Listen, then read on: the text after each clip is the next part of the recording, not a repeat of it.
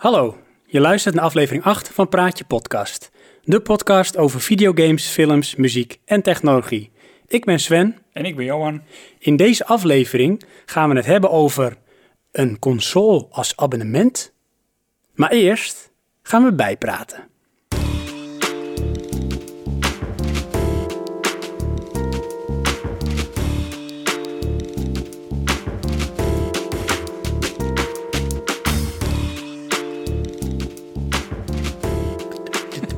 Voel echt weer de echo is rising. Eh, ja, ja, ik weet hoor je bij mij galm of niet? Eh, Valt mee. ja, het is nu minder dan net, bij jou. Het is nu minder. Ja. Oh, dat is goed. Dan komt misschien dat ik me helemaal voor de luisteraars. Hallo, welkom trouwens. Oh, ja, we nemen op. Ja. ja. we nemen op. Jullie zijn in de uitzending. Jullie zijn live, live. bij ons, in ons hart. Live. Zo, ik breng nu mijn hand naar mijn hart. leven. Ja, precies. Ik heb mezelf als een soort met eh, rups die op het punt staat te ontpoppen. Heb ik me helemaal zo, zeg maar, omringd door kleden.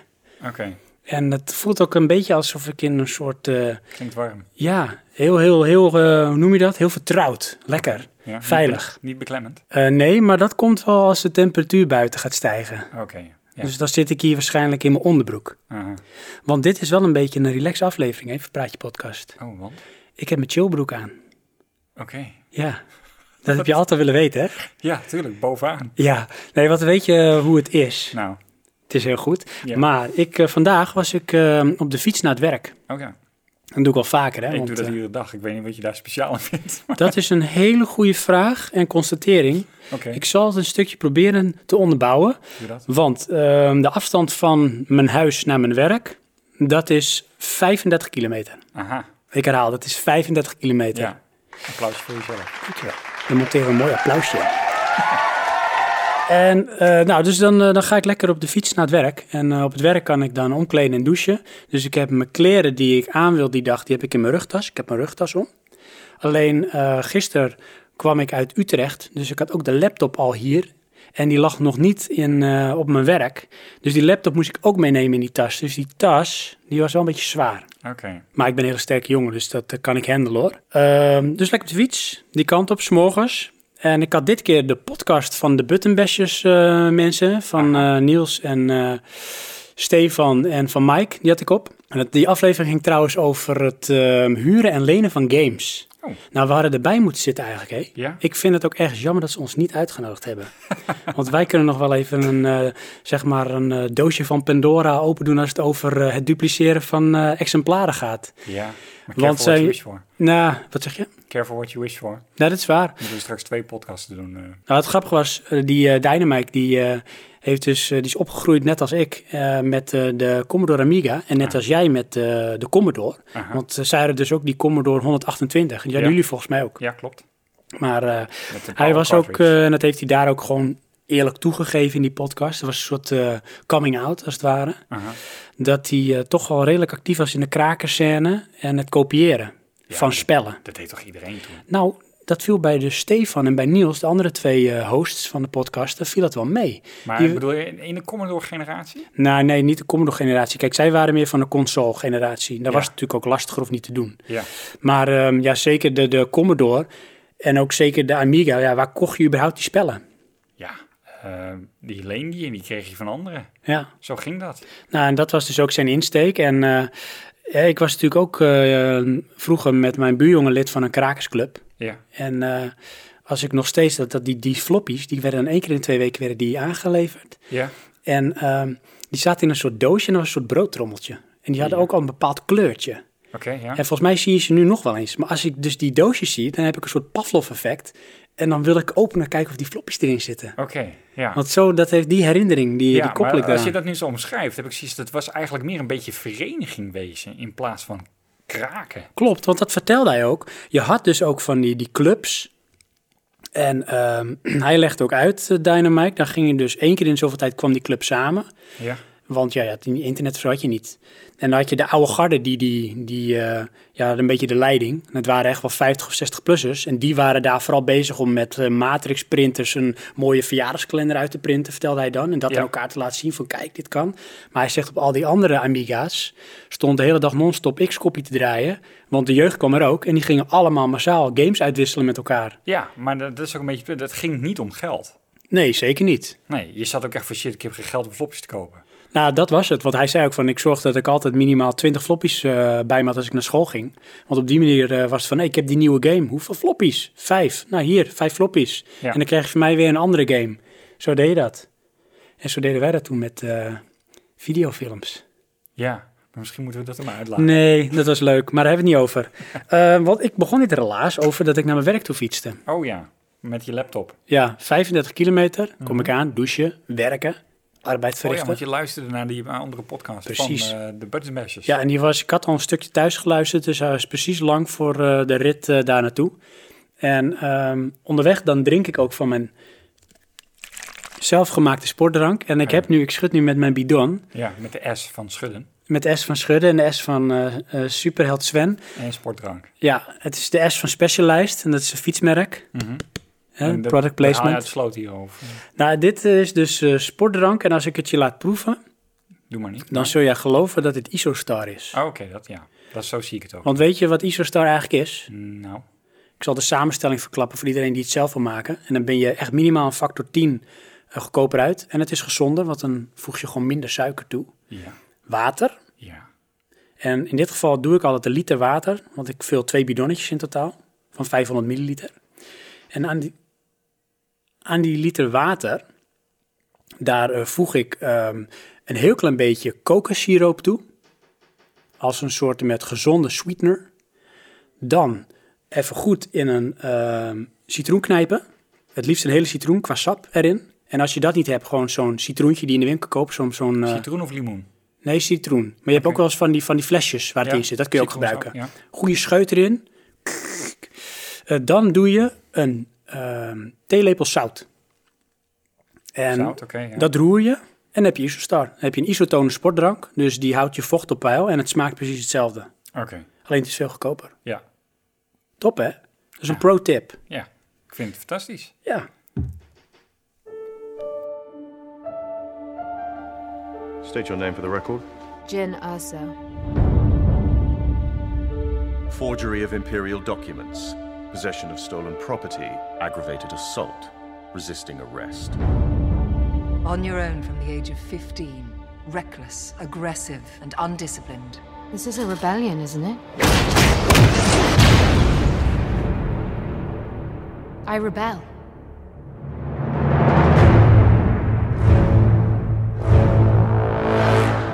We have a mission for you. A major weapons test is imminent.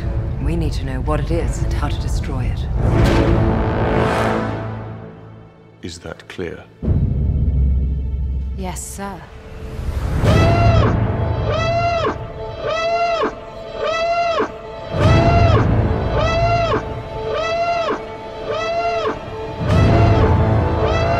What will you do when they catch you? You do if they break you? If you continue to fight?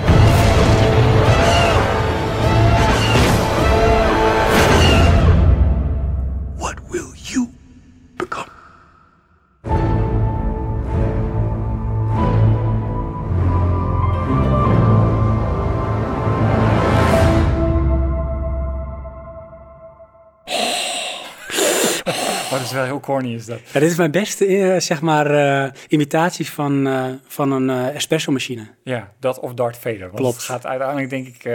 wat hebben we gezien? Of wat heb ik gezien? Heb jij hem ook gezien eigenlijk? Nou, ik heb hem gezien, maar ik moet heel eerlijk bekennen. Ik ben een soort met Star Wars purist. Dus eigenlijk was ik dat ik het hoorde, want het gaat straks over Star Wars, wat je vertelt. Ja, Ro- was ik een beetje boos. boos. Ja, want ik vind het niet zo leuk als ze dan weer die franchise op die manier gaan uitmelken. Oh, ik vind het geniaal. Nou, vertel, elaboreer. Nou, ik eh, weet het. We gaan over de trailer van Star Wars Rogue One. Ja. Ja, ik vond hem eigenlijk per ongeluk. Ik wist niet dat hij eraan kwam, die film. Ik wist helemaal niet dat die film gemaakt werd. En toen had ik echt van, oh, dit is een nieuwe Star Wars trailer. Nou, ga ik kijken, want het is natuurlijk Star Wars. En ehm, die film zet in één keer voor mij de sfeer neer die ik heb in de herinnering van de Star Wars films. Oké. En, En wat is die, wat is die sfeer dan? ja, nou, het, het is natuurlijk ook, het gaat als het ware terug in de tijd als we de laatste film eh, bekijken. Dus Rogue One speelt zich af tijdens, eh, eh, voor de Death Star. Ja, ik heb begrepen. Omdat het zich vijf jaar voor een nieuw hoop afspeelt. Nou, dat zou kunnen. Dat weet ik dan niet in dit Dus er is wel waarschijnlijk een soort cameo-appearance van bepaalde characters. Zoals ik eh, verwacht dat Darth Vader terug. Darth Vader, absoluut. Maar dat volgens mij komt Luke Skywalker in het verhaal nog niet voor. Heb ik begrepen. Eh, Nee, dat zou kunnen, maar dat maakt me ook niet zo heel veel uit. Waar het mij eigenlijk... Nou, laat ik het anders zeggen. Ik heb die laatste film gezien en ik vond het een matige film. Ja, ja dat, dat, dat vinden de meesten. En als je kijkt naar de film, is het een matige film. Maar bij mij brengt het genoeg Star Wars vreugde... dat ik op die manier ernaar kan kijken en ervan kan genieten.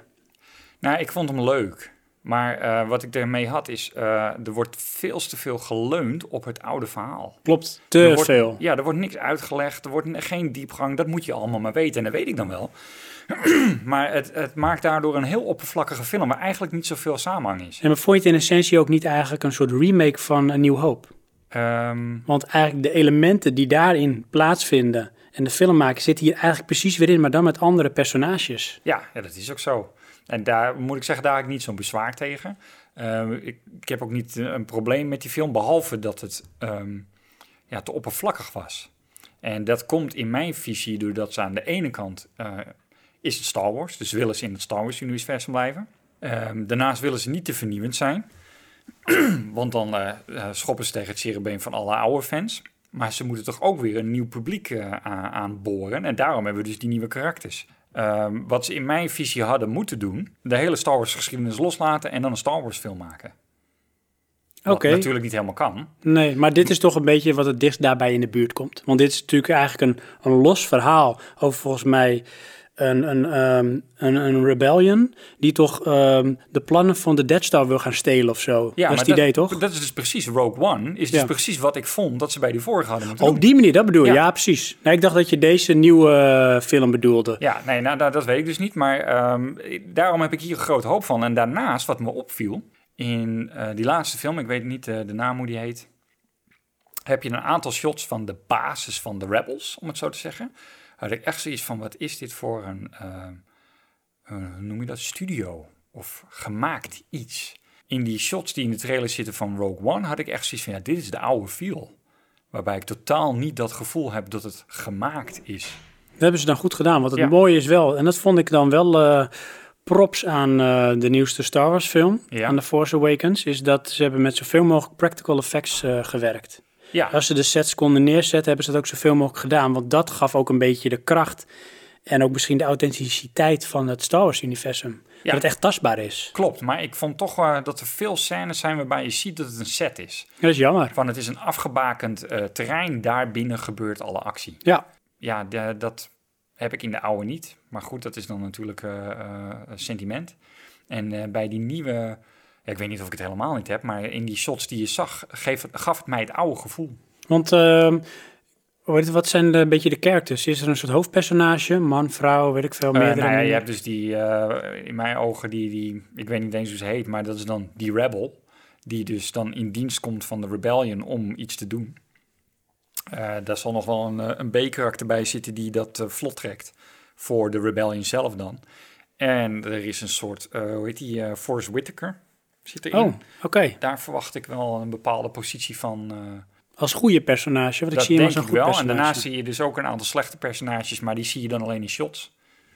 Nou, dat ondersteunt met het eh, geluid. Ik vond het echt tof. Oké, cool. Dat Ja. zeurende eh, dive, dive geluid van... woe. Ja, vond ik cool. ja, nou, ik ben heel benieuwd. Want weet je ook wanneer die uitkomt? Ehm, eind dit jaar.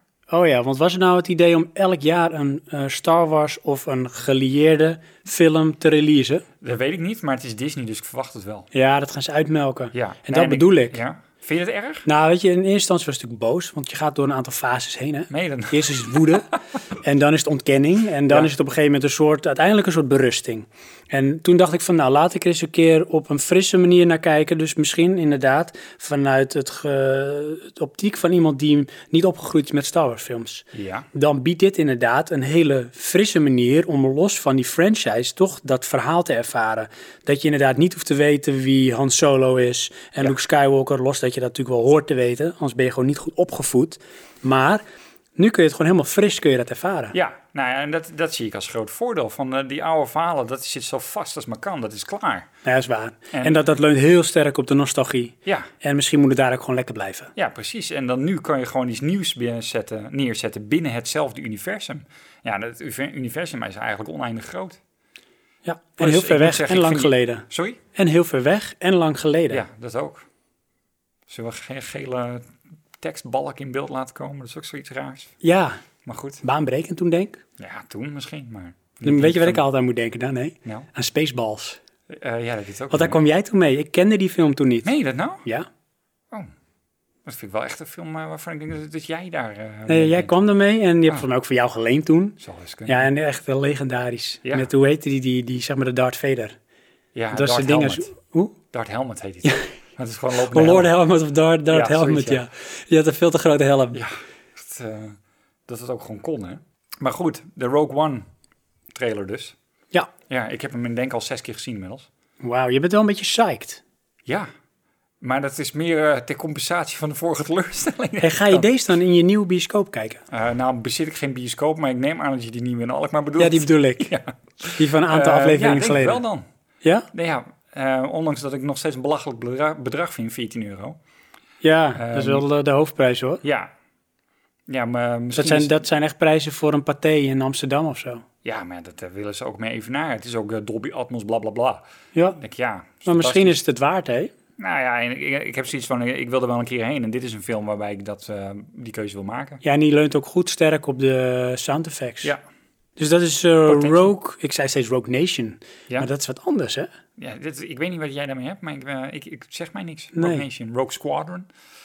Dus dat was wel, Rogue Squadron Ja, was ook een, eh, een Star Wars spel. dat zou best kunnen, ja. En dit is dan Rogue One. Ja, Rogue One. In december in de bioscoop. Nu, bestel je kaart. Dat is wel heel vroeg.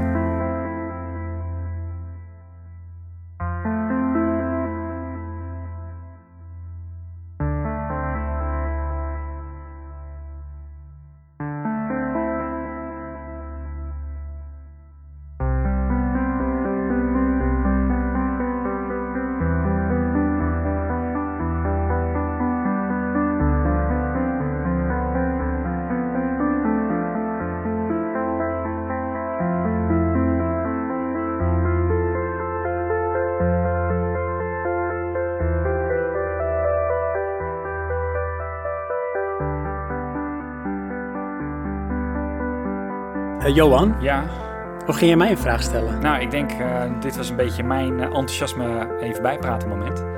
Laten we nu die van jou ten dele brengen in de wereld. Ja, want wat ik wil doen, hè, Nou, met jou uh-oh. en met al onze luisteraars, is even een soort met experiment. Toch niet dat we weer muziek moeten maken, hè? want dat kostte me vorige keer ook al zoveel tijd. Ja, ik wil dat jullie allemaal je trommel pakken en dan gaan we Kumbaya zingen. Oh ja, oké. Maar Nee, ik, ik wil een experiment gaan doen met jou en eh, met onze luisteraars. Dus iedereen kan en mag meedoen.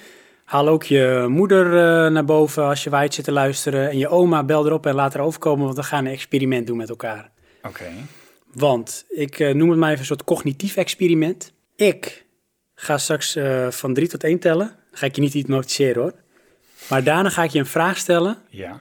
En dan wil ik dus dat je gaat proberen te doen of op te volgen wat ik je, wat ik je vraag. En jullie thuis ook, luisteraars. Oké. Ja? Maar daarom mocht ik de vragen niet lezen?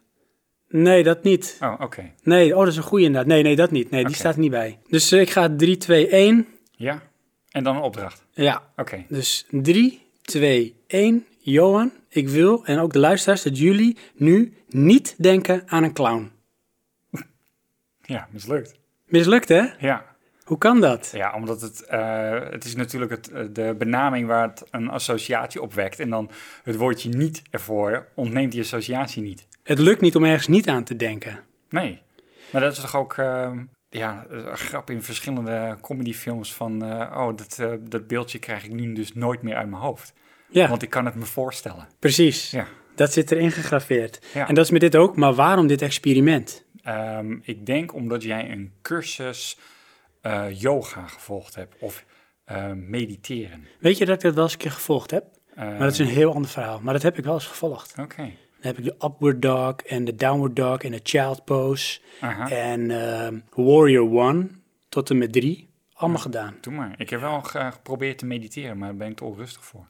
Het is, maar dat is, ik, dat is mij nog nooit gelukt, om nergens aan te denken. Nee, inderdaad Want hetzelfde, denk maar eens nergens aan. Ja, weet je wat ik me dan nergens, voor me stel? nergens, nergens. Ja, gewoon een, een, eh, een paars bolletje. Dat Maar dan probeer- denk je wel ergens aan. Ja, oké, maar dat vis- probeer ik dan te visualiseren en dan probeer, proberen te blijven visualiseren. Ja, het is wel een punt voor om in concentratie te komen. En dan Ja. zeggen ze op een gegeven moment moet je dan steeds zeggen, als er een gedachte oppopt, nee, nu niet, straks heb ik tijd voor je. Ja, En op een gegeven moment kun je dat in een soort flow, kun je dat weglaten. en dan Ja. denk je aan niks. en dan drie jaar later, dan kom je eruit. Oké, maar eh, nou even terug waarom je dit experiment Ja, waarom dit doen? experiment? Nou, dat heeft alles te maken met een, eh, een leuke videogame die ik gespeeld heb op mijn iPhone. En dat was niet een soort videogame met experimenten, Nee. maar dat spelletje, dat heet Please Don't Touch Anything. Oké. Heb je al een beetje een idee waar het Ja, heen gaat? Dat er eh, eh, een aaneenschakeling van uitdagingen is waar je je weerstand tegen moet verzetten. Ja, want het komt om neer. Jij werkt eh, bij een bedrijf en wat je doet is onduidelijk, maakt ook niet uit. Voor je staat een scherm en dan zie je een soort skyline van de stad. Het is allemaal een beetje pixel art. Ja, En je ziet dan een, een, een ballonnetje met tekst en dat is je collega. En die zegt tegen jou van, hé hey man, het is ook allemaal in het Nederlands dan, want ze hebben waarschijnlijk in zoveel talen vertaald. Ik moet even naar de wc, ga jij even achter mijn bureau zitten en oh ja, ik ben zo terug, maar kom alsjeblieft nergens aan. Oké, kan. Waren het niet dat een hele grote rode knop voor je zit? ja. Don't touch the red button. Klik. En je wil niks liever dan op die rode knop drukken. Ja, En eh, daar draait eigenlijk het hele spelletje om. dus eigenlijk als jij echt niet op die rode knop drukt, dan gebeurt er niks. En Ja, dan- ik kan vertellen wat er dan gebeurt. Niks. Want dat is een van de opties. En die, ja, die kan ik, nou, zal ik die verklappen? Nee, doe maar niet. Want ik knip het dan wel uit. Want er zijn dus aan dingen. En dat is leuk van het spel. Want het spel is eigenlijk steeds na ongeveer, nou maximaal een paar minuten is het af. Oké. En dan denk je, oké, heb ik het uitgespeeld? En dan kom je terug. En dan heb je in één keer een postertje aan de muur hangen. En dat is een soort achievement, omdat je het op die manier hebt uitgespeeld. Oké, dus het, En- het klinkt een beetje als eh, de, hoe heet die nou, eh, eh, experiment. Eh, Ja, Sta- de Stanley Parable experiment. Ja, Want je kan hem steeds opnieuw spelen en je ziet op een gegeven moment, dan valt daardoor ook iets op. Je ziet allemaal silhouetjes van postertjes die er kunnen komen te hangen. ja. Er zijn er echt heel veel. En je hebt op een gegeven moment ook ergens door hoeveel van de achievements je unlocked hebt. Dat Ja. kun je op een gegeven moment ergens herleiden. En het Wat mooie apart. is, het, het, het, het- ze, zij noemen het zelf een mystery experiment of zoiets. Oké. Het is ehm Bulky Pix, heet volgens mij het bedrijf die het gemaakt heeft. Ja, en het komt er eigenlijk op neer van, nou ja, je moet zelf maar ontdekken op welke manier je dit spel uit kan spelen door op knoppen te gaan drukken. Ja, weet je, ehm, de, er is een eh, luisteraar die heeft een tijd geleden gevraagd, dan ben ik zijn naam even kwijt, of, ehm, en die was eigenlijk gericht aan mij, of ik eh, ook achievements haal in games. Ja, dat was eh, om precies zijn Joey. Ja? Want Joey, dat is echt een achievement hoarder, als het ware. Aha. Die gaat echt voor eh 100%. 100%. ja. 100%. Ja, nou, dat, mijn antwoord daarop is dus nee. Dat doe ik niet. Ik, eh, dan ben ik een beetje de lucky shot. Van eh, als ik dan dichtbij ben, dan ga ik het wel doen. Maar deze game die je nu omschrijft, die eigenlijk, die, eh, daar is de game achievements halen. Ja. Dat is echt apart, vind ik. Ja, hey, en dat is echt goed dat je dit aanhaalt. Want we hadden ook namelijk een belofte gedaan richting Joey. Ja, Dat we zijn vraag zouden behandelen in de uitzending. ja. Dus bij deze Joey, dit is het antwoord even. van Johan. Het duurde even. Johan gaat niet altijd voor 100%. Nou, eh, ja, in gameplay pro- probeer ik het wel, maar achievements, eh, dat zie je, eh, als ik dan kijk naar de PlayStation, dan staat er buiten de game welke achievement je gehaald hebt. Ja, dan moet ik eerst buiten gaan kijken dan in de game. Ja. En is er ook een manier, want het was toch zo bij de PlayStation 3, dat je eigenlijk ook kunt zien hoeveel achievements een game heeft. Ja, maar buiten de game. Ja, oké, ja, precies. En uh, Hmm. heb ik toevallig uh, net een, een of andere ding gezien van Xbox, waarbij je dus in-game direct kan ophalen. Dus dan zie je het live. Maar meestal zijn het toch vaak van die dingen, doe 40.000 keer dit. Ja. Ja, daar zit ik niet op te wachten. Dat vind ik dan, dat dan, dan heb je wel een bepaalde drive of een, een, hele goede intrinsieke motivatie om dat alsnog te gaan doen dan. Ja. Want daar kan ik mezelf niet toe zetten. Nee, ik ook niet. Dan, dat, heeft namelijk geen uh, meerwaarde in het verhaal of replay. Dan is het gewoon, weet je wel, je moet even uh, duizend scoren vanaf de drie meterlijn of zo. Ja, ja. Precies. Dat, Succes met je pet. Ja. Ik heb wel vroeger spellen meerdere keren uitgespeeld, maar dat waren altijd point-and-click adventures waarin ik het verhaal tof vond. Dat was Mhm. onder andere Under Killing Moon. En dat was uh, of the Tentacle en The Dick. Beneath Steel Sky. Beneath Steel Sky ook. Eigenlijk de, meeste wel die ik gespeeld heb. Ook eh, Broken Sword heb ik ook meerdere keren uitgespeeld. Maar op de PlayStation bijvoorbeeld, Ja? eigenlijk nooit. Nee, ik ook niet. Ik ben toen met Heavy Rain opnieuw begonnen. Maar ik Maar kom ja, er niet doorheen. Nee, want ik ken het al. Er is Ja. totaal geen spanningsboog meer van, nou, nu gaat er iets komen wat ik nog niet weet. Ja. Nee, dat, die, ik kan me er niet toe zetten. eh, Dan is wordt het werk. popcorn zijn. Sorry? Een beetje popcorn wordt het. eh, Ja, van je hebt het verslonden, dus het is klaar. het is klaar. Ja. Ik hoef niet meer.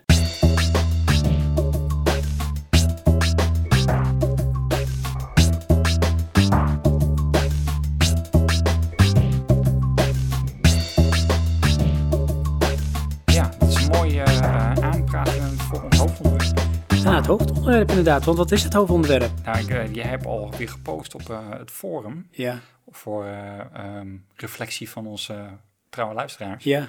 Eh, maar naar mijn visie was het hoofdonderwerp: wil je een console als abonnement?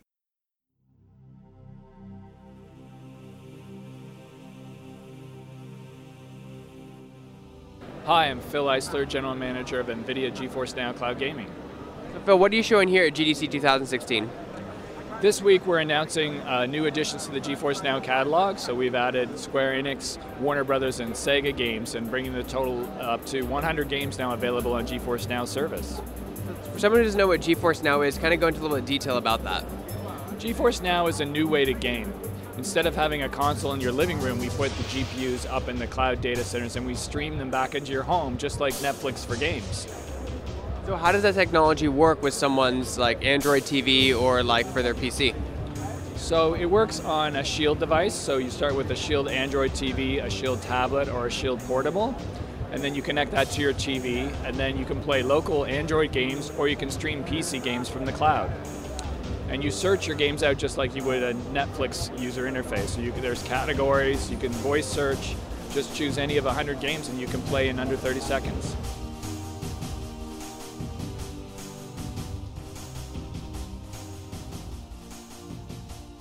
Lieve luisteraars. Met de mimiek er ook bij. Ja. Zag je dat ik deed? Lieve luisteraars, ik zal het ook even omschrijven. Ik, ik gooide hem, zeg maar, mijn hand in de lucht. Ik maakte er een soort vuist van, alsof ik een microfoon in mijn hand heb. En ik gooide mijn hoofd quasi nonchalant naar links. Ja. Voor de luisteraars dan, hè? Het zei ik lieve luisteraars, want dat zijn jullie. Dus lieve luisteraars, Johan, Ja. die is met een onderwerp gekomen. Nou, die heeft weer een redelijke shitstorm doen waaien. Ja, dat verwachtte ik al. eh. tenminste, eerlijk gezegd, eh, ik heb er eh, vandaag over nagedacht in aanloop naar deze opname. En toen had ik zoiets van, ja, eigenlijk weet ik al wat een deel van onze luisteraars hierover gaat vinden. Ja. En op zich hun goed recht, hè? Want ze hebben natuurlijk wel een bepaalde bias. Hè? Dus ze zijn misschien niet helemaal ongekleurd. Nee, maar dat maakt er niet uit. Het gaat er gewoon wat je zelf vindt. Dat is ook zo. Dat is heel belangrijk. Dat is een soort goed recht, een soort grondrecht. Grondrecht? Ja, Grondwet? weet ik niet. Moeilijk. Ja. Ja. Want eh, je gaf het net al aan, hè?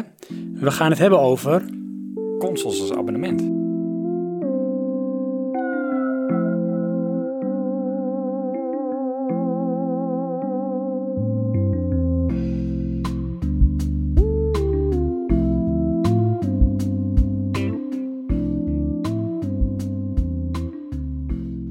Consoles als abonnement. Maar Jo en ik heb daar echt over nalopen denken. Ook vanmorgen op die fiets. Ja. En eh, ik kom op een of andere manier steeds een soort van in conflict met mezelf. Aha. En op hetzelfde punt loopt het voor mij vast. Maar hè, voordat we daarop eh, ingaan, waarom dit eh, onderwerp? Wat heeft jou, zeg maar, ehm, geïnspireerd, wil ik bijna wel zeggen, om, te, om deze discussie aan te slingeren? Nou, ik kijk onder andere ook GameKings. Ja, Maar dan niet de afleveringen, maar vooral de, de online content. oh, die van live op de redactie. Eh nou, dat dan weer niet. Dat is toch maar- ook met, met eh, vooral JJ en die Shelly en... eh, Ja, maar dan hebben ze bijvoorbeeld eh, de kwestie. oh ja, Die ja. items eh, met name en eh, reviews. Ze hebben ook wel items die mij dan niet zo trekken, maar goed. Eh wat brieven maandag hebben ze dat, dat kijken. Oh nee, ik kijk al de YouTube, YouTube kanaal van hun. En Dat is gewoon dat ze op de redactie gewoon dingetjes kort even eh, bespreken. Oh ja, nou, dat, nou goed, dat kijk dan. Oké. Ik kijk het vooral via de, hoe heet die, eh, Cody. Maar ehm, die hadden het dus over een eh, presentatie van ehm, de, ik geloof dat het hoofd is van Microsoft Xbox divisie. En die heeft een bepaalde visie over de toekomst van de Xbox console. En ik heb nog even nagelezen wat daar samenvattend uitkomt. Eh, die ziet het, eh, het is niet beleid, maar het is een idee wat ze eigenlijk een beetje eh, opgooien. Van eh, dat je console gaandeweg geupgrade wordt. Aanvullend bij Kane Games kwamen ze erop uit van zou je dat dan in abonnementsvorm willen? Want dat, dat wordt niet echt gedefinieerd of zo. Dat is echt alleen maar een beetje ballonnetjes oplaten. Ja, dan vroeg ik me daar zelf af van ja, wil je dat? Ze maken namelijk het vergelijk tussen mobieltjes. Ja, daar moest ik ook meteen aan denken. Mobiele Mobieltjes, eh, telefoons. worden binnen twee jaar vervangen. En dat wordt eigenlijk in abonnementsvorm aangeboden. Ja, waarom zou je dat dan wel of niet bij eh, gameconsoles doen? Ja, En hun pleidooi is dat eh, als je de hardware van PC's bekijkt, die gaat heel snel. En je gameconsole, die staat gewoon vast. Die wordt uitgebracht en die is vijf, tegenwoordig zeven jaar lang onveranderd. Ja, persoonlijk denk ik dat dat de kracht is voor de developers, want je weet waar je aan, aan toe bent. Ja, het kan dus ook anders. Of het idee is om het anders te gaan doen. ja, want in de huidige vorm heb je toch wel een eh, soort lifecycle die volgens mij minimaal vijf jaar is van dat een console. Het, ja, het is, ne- maar die PlayStation 4 is, is er volgens mij al vijf jaar. Ja, kijk, en eh, als je kijkt naar de PlayStation 3 en helemaal de PlayStation 2, hoe lang die nog, zeg maar, door zijn gelopen parallel aan al de volgende generatie. Ja. Maar dan kun je nog steeds wel zeggen, die overlap, daar zit volgens mij ongeveer steeds vijf jaar tussen. Dat er weer een nieuwe console Ja. gereleased wordt. Dus eh, inderdaad, wat je zegt, die hardware staat vast. Soms brengen ze nog wel eens even een soort geüpgrade versie uit. Hè. Dat heeft de PlayStation gedaan met die eh, PlayStation 3 eh, Slim. Slim. En die Ja, was, dat was ook al een iets krachtiger eh, PlayStation. Maar heeft PlayStation al... ja, was die krachtig? Ja, die was krachtiger. Die was iets krachtiger dan de Fat. Oh, Ja. En ehm, dat merk je ook ja. in zeg maar benchmarking met bijvoorbeeld laadtijden van games en dergelijke. Dat ging gewoon even wat sneller op die PlayStation Slim. nou, dat weet ik niet eens. Ja. Ik weet wel dat ze de backwards compatibility eh, bij de zoveelste versie eruit gesloten hebben. Ja, ze- dat ze, hebben ze inderdaad een soort reverse engineering. Ze begonnen met een heel open iets waar volgens mij zelfs nog eh nou ja, eh, SD-kaartlezer in zat. En dat werd gaandeweg steeds meer afgebroken, totdat het een, eh, nou ja, de huidige vorm is eigenlijk redelijk eh, compact. Ja, Volgens mij heeft Xbox het ook gedaan op een gegeven moment met een eh, weer geüpgrade versie van Xbox 360 toen de tijd. ja maar En- PlayStation doet het al vanaf het begin.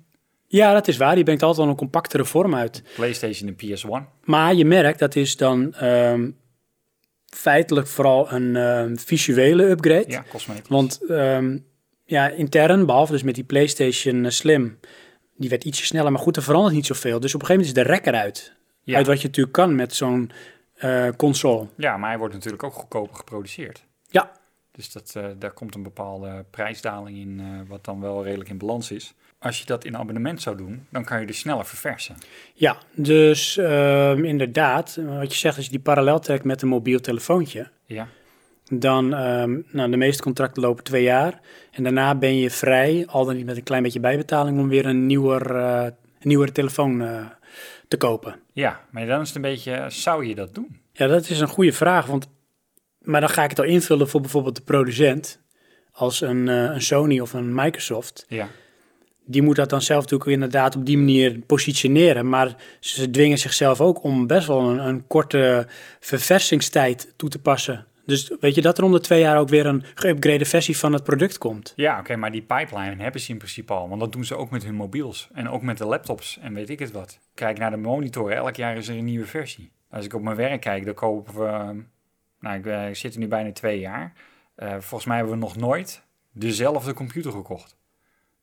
Altijd Tenzij een- het op hetzelfde moment is. Oh, Oké, op die manier. Snap je? Dan zijn we een half jaar verder en dan krijgen we alweer versie, weet ik veel wat. Klein beetje anders, maar hij is wel anders. Ja, in principe kan het ook met consoles. Eh, al dan niet eh, dat het goedkoper wordt of, of wat dan ook voor de producent. Maar ik, ja, ik heb wel het idee dat als je dat gaat doen, moet je een bepaalde meerwaarde geven. Van eh, deze is beter dan de vorige. Maar dat is dan ook gelijk weer het probleem. Wat is het probleem daarin dan? Nou, als jij elke twee jaar een nieuwe console krijgt, moet je mee. En anders had je vijf jaar de tijd voor je console. En die games draaiden. Ja, dat klopt. Die draaiden en eh, jij bepaalt inderdaad zelf van als die PlayStation 4 komt, ga ik dan de PlayStation 4 halen. Ja. Als je geluk had, dan kwamen de titels op beide platformen nog uit. Want PlayStation 3 en 4 brachten op een gegeven moment nog wel eh, dezelfde Ja. titels uit. Ja, vind een ik, gegeven moment eh, moet je het wel. persoonlijk een eh, mislukt experiment hoor, maar goed. Maar er is dus ergens een bepaalde overgang waarin je dus wel soort van gedwongen wordt. Maar dat is wel Ja. een soort sterfhuisconstructie. Dus het, het, het ene brokkelt langzaam af. Ja, Er wordt minder in geïnvesteerd. En het andere, dat is juist natuurlijk helemaal upcoming. En wordt ook natuurlijk wel een beetje gehyped, zodat je dat ook wil hebben. Ja, Want je wil die mooiere graphics en die nieuwe titels kunnen spelen. Ja, kijk, en het voordeel is als je het, het toch puur in abonnementsvorm neemt, want dat is dan eh, ook een beetje het punt, hè? hoe is dat abonnement? Krijg je alles? Of is het van, ja, je betaalt zoveel per maand, net als PlayStation Plus, en dan krijg je je console erbij? Ja, want was daar in het geval van Microsoft, waren ze daar iets over gezegd? Nee.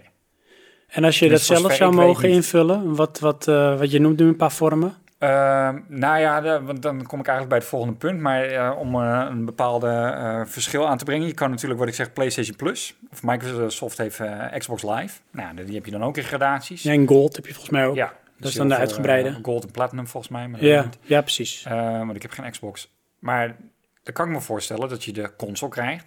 Toegang tot demo's, toegang tot spellen, early preview of wat dan ook. Dat je in een soort van, je, net als hoe ze nu met pre-orders doen, dat je een soort van plus hebt op de rest. Oké, maar dat betekent dus wel dat in dit abonnementsvorm je in essentie nog steeds alleen de console. Nou ja, dat, dat is dus een optie. Een andere optie is dat je ook games erbij krijgt. Ja, want dan wordt het echt een volledig gedragen dienst. Ja. à la Netflix. Alleen je hebt nog een peripheral nodig om het thuis te kunnen ontsluiten. En Ja. dat is dan een stukje hardware. Ja, nou dat is dan de oudste versie en dan de oudste twee. En dan zou je natuurlijk een tussenvariant kunnen doen. En dat is dan. Eh, nou, dat heb je nu, want daar wou ik eh, dan eigenlijk heen. Dat is eh, Nvidia Shield. Ken je dat? Ja, ik heb daar iets van gezien. Ja, in mijn ogen is het gewoon een console. Alleen... Hij lijkt ook een beetje op een Xbox. Ja, Qua een beetje met- met het groen en zwart. PlayStation, Ja. Oude, maar goed. Eh, ja, helemaal die controle, dan wordt het Xbox gevoel. Eh, Ja. Maar dat komt ook door het groen, want Nvidia heeft ook groen. Ehm, wat doen die nou? Die hebben een streamingdienst. En wat je dan krijgt is dus dat je eigenlijk de hardware niet meer nodig hebt, behalve om te streamen. Ja, dat bedoel ik inderdaad. Ja, ik, dat, dat zie ik dan wel als een vorm. Een vorm. Nou, als een Ja. vorm waarvan ik denk van ja, daar, daar, daar snap ik de logica van in dat opzicht. Eh, ja, alleen eh, wat krijg je dan als nuances? Ga je dan, want bij die, eh, eh, je hebt dan Nvidia Shield, die moet je dan kopen. In dit geval dan weer wel. Dus je koopt je ontsluiter, om het zo te noemen. Eh, maar ik kan me voorstellen dat je daar dan concurrenten in krijgt. Net als het Android-platform. Maar dan heb je dus dat ehm, eh, X-Force Now of zo heet het. Of GeForce Now van Nvidia. GeForce Now volgens mij. Ja, dat is het abonnement. Dan krijg je toegang tot een catalogus. Maar dan heb je volgens mij ook nog games die je dan weer los moet kopen. Hmm. En, Ja. ja ehm, nou, toch kan het wel. Hoor. Want weet je hoe ik de, als ik de parallel hierin zou trekken? Want Nou. dit vind ik dan eigenlijk de meest realistische vorm. ja. Want echt een, een Gaikai of een OnLive, wat volgens mij allemaal tot meerdere restarts toch weer mislukt is. Dat zie ik niet gebeuren. Dus echt dat je televisie gewoon de ontsluiting is met je internetverbinding. Ja. En alles streamen. Ik denk dat het daar gewoon nog even te vroeg voor is. Plus de Ja. mensen moeten er ook op die manier aan wennen dat het anders werkt en kan dan, dan de reguliere manier met ja, gewoon maar dat is een beetje ook de, de kwestie die we nu stellen. Ja, Van, kan, kan je dat of wil je dat? Maar sorry, ga verder. nou dus als ik dan kijk naar bijvoorbeeld de Nvidia Shield, waarin Ja. je dus nog wel een stukje hardware in huis haalt. ja, Maar voor de rest is eigenlijk alles gewoon gestreamd. Want je hardware is gewoon je streaming device. Dan zie ik het zo voor me als zoals Ziggo het ook doet. Ziggo levert een dienst. En eh, dat is in dit geval bijvoorbeeld onder andere interactieve televisie. En daarbij hoort een interactieve decoder. Nou, die heb je in gradaties. Wij hebben een interactieve decoder hier in huis. Nou, die is volgens mij al zes jaar oud. Maar die ondersteunt nog steeds, die wordt nog steeds ondersteund door Ziggo. Dus ik kan gebruik maken van de int- interactieve diensten, dus die ik eigenlijk via het, netwerk binnenhaal. Dat is on-demand films kijken, dat is eh, af- afleveringen terugzien en eh, dat is bijvoorbeeld kunnen opnemen. Maar deze ehm, interactieve decoder, die is lang niet zo krachtig als de huidige modellen. Wil ik optimaal gebruik maken van de dienst die zij toch aan het doorontwikkelen zijn, want hè, aan hun kant gaat het natuurlijk door, dan koop ik gewoon de nieuwste digitale decoder en kan ik weer door. Dus ik word niet gedwongen om mee te gaan met hun release van nu hebben we zeg maar de volgende versie. Ja. Maar ze zeggen gewoon, zolang dit product gewoon goed genoeg presteert, net als eigenlijk een mobiele telefoon, waar steeds weer nieuwere versies van het besturingssysteem vooruit komen, dan kun je gewoon gebruik maken van alles wat erop eh kan draaien.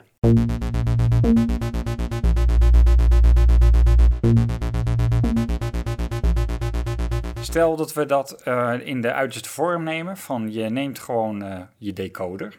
En je hebt een abonnement op Netflix. Alleen dat is geen Netflix, dat zijn games. Als je dat abonnement opzegt, heb je dus niks meer. Nee, maar dat is natuurlijk met Netflix ook zo. Klopt. Ik denk dat dat, en dat is misschien ook waar misschien een beetje de schoen gaat wringen bij de wat oudere generatie. En Ja. ook de mensen die bijvoorbeeld input hebben geleverd voor deze aflevering.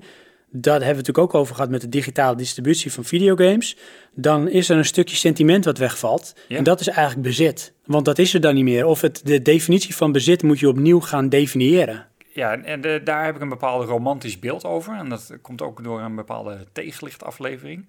Van je neemt dus de dienst gaming af. Precies. Ja. Eh, En daar horen nou bepaalde dingen bij en dat wordt geleverd en eh, ondersteund door die dienst. Ja, maar wat daar dus eh, in mijn ogen dan een bijeffect van is, dat is gewoon het einde van consoles. Want het enige wat je nodig hebt is een internetverbinding en een input.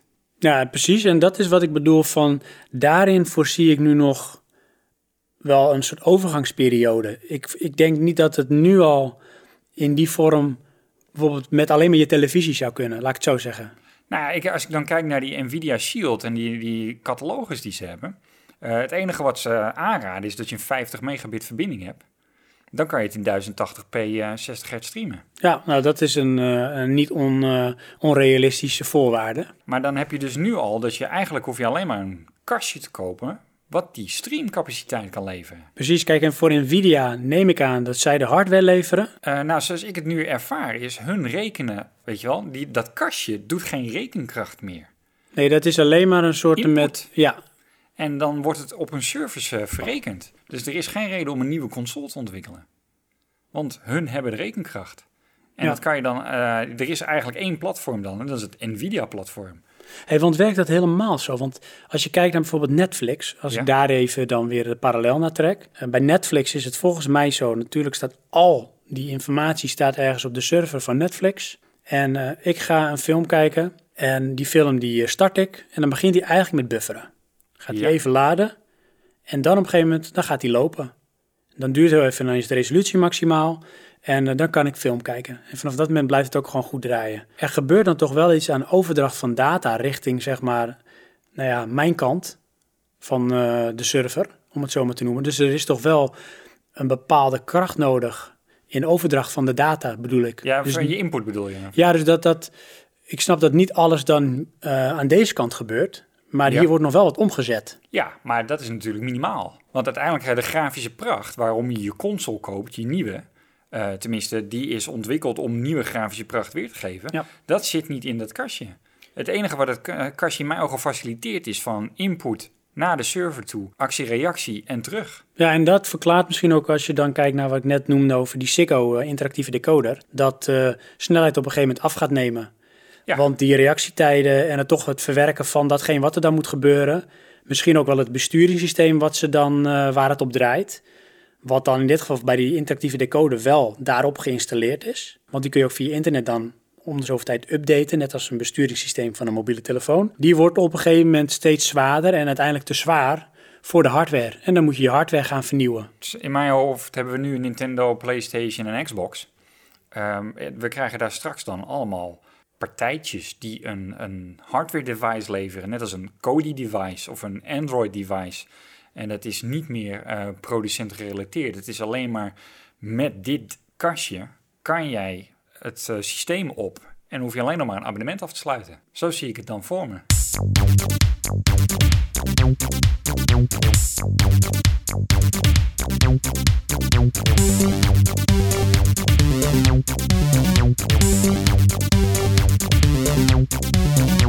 Laten we daar dan ook even eh, op doorpakken. Ja. Als we dan gaan kijken naar inderdaad eh, eh, de huidige zeg maar, marktpartijen. Hè, dus de grote spelers die je noemde, Sony, ehm, Xbox, Xbox. Nintendo. Ja, zijn er nog meer? Nou ja, eh, dat ligt een beetje aan hoe je dat ziet. Kijk, nu zie je eh, dat eh, Nvidia, die is in mijn ogen daar toch een beetje voorloper dan nu in, in dat systeem. En die hebben hun eh, GeForce Now. Ja, dan krijg je dus de kwestie, hoeveel game developers sluiten zich daarbij aan? Ja, want dat vraag ik me dus af. Want als je kijkt naar de huidige zeg maar consoleontwikkelaars. Ja, dat is gewoon Sony zelf. Ja, dus als je kijkt naar Sony, Microsoft, Nintendo. Ja? Die zijn leverancier van de hardware. Die zijn in een deel ook leverancier van de software. Natuurlijk de Eh, software ja. die op het apparaat draait, maar ook eh, bijvoorbeeld bepaalde titels. Die zijn exclusief voor dat platform. Ja, Maar is dat bij Nvidia ook zo? dat neem ik aan van wel, maar dat heeft in mijn ogen meer te maken met wie sluit aan of niet. Ja, want ik denk, maar dat is Kijk, want misschien... ze hebben de hele PC-markt. Ja, dat is waar. Alleen daarin releasen waarschijnlijk dan straks met name dan de, de, de, de reguliere titels. De FIFA's, de Call of Duty's. Nou ja, dat, dat ligt er dus een Weet je, beetje gaat, er gaat een Blizzard, want dat, dan gaan we zo ook een van de vragen van de luisteraars daarin behandelen. Ja. Gaat hij zich daar ook op aansluiten? Hè, of krijg je, en dat is volgens mij Dynamite, en die zullen we straks nog even verder eh, specifiek bijpakken, dat, je, dat het toch weer een beetje, ja, de, de casual eenheidsworst gaat worden die erop uitkomt. Eh, eh, eerlijk gezegd weet ik niet. Ik denk dat het grote probleem gaat worden is dat... ehm, want dat, dat is dus ook wat in de discussie verviel eh, bij GameKings van, in relatie tot Microsoft. Van Microsoft wordt alleenheerser in dat multiplatform. Maar als je kijkt naar Nvidia, de rekenkracht is Nvidia. Dus jij moet bij Nvidia bij als studio zijnde. Dus die bepaalt dan wat er gebeurt. Nu heb je dat dan nog met PlayStation, Xbox en Nintendo. Ja, eh, hoeveel Nvidia's zijn er? Dat zijn er niet zoveel. Dat is dan een, een Microsoft en een Nvidia. Nou, dus of PlayStation of Sony bedoel ik, dan moet ook zo'n park neer gaan zetten die het bij hun uitrekent en naar jou toe streamt. Nou, dat moet Nintendo ook dan gaan doen. Maar ja, waarin zijn ze dan nog onderscheidend? Want dan is het, dan is het wel vraag. puur game aanbod, maar in feite hoef je alleen maar dan het kastje te hebben en het abonnement. En dat bepaalt dan misschien eh, het aanbod wat Ja. je dan hebt. Nou ja, ik, ik eh, zie dan voor me, nu ik er zo over nadenk, dat het eigenlijk hetzelfde wordt als een HBO en een eh, Stars en eh, weet ik het wat. filmstudio's. En dan krijg je game provider studio's. Ja, nou dat is inderdaad. Hè, want nu je, je ontsluiting is bijvoorbeeld je digitale decoder. Ja. Of in sommige gevallen misschien je console die dat kan. En dan eh, inderdaad, dan eh, start je Netflix of je start je HBO of je start je eh, whatever het is qua smaak. Je, misschien je paté thuis. En daar kies je dan weer, in dit geval dan de films die je wil zien. En dan het equivalent is dan de games die je dan wil spelen. Ja, Ja, dat vind ik toch niet zo prettig vooruitzicht als dat de vorm wordt. Want dat, dat, dat jaagt me weer in de kosten. Want dan moet ik voor elke leverancier, als het ware, weer een abonnement gaan afsluiten. Maar zullen we eerst even een vraag doen? Want daar wil ik wel op doorbrouwen. Maar anders... eh, Ja, we pakken de luisteraars erbij, want Ja. we hebben een viertal reacties. Of eh, eigenlijk een reactie, niet een vraag inderdaad. Maar goed. En we Ja. beginnen met... Zullen we die van Dynamite dan pakken? Zal ik hem voordragen? Ja, of, draag eh? jij hem voor. Oké. Moet ik er een mooi muziekje onder zetten? dat Zal ik dat bij jouw kitje doen? een- bij mij een mooi muziekje. Ja, want ik had vorige keer ging ik vertellen bijvoorbeeld over digital distribution. Ja, Heb ik een heel mooi muziekje erbij. Wil jij ook een mooi muziekje? doe maar. Krijg jij een mooi muziekje? Is goed.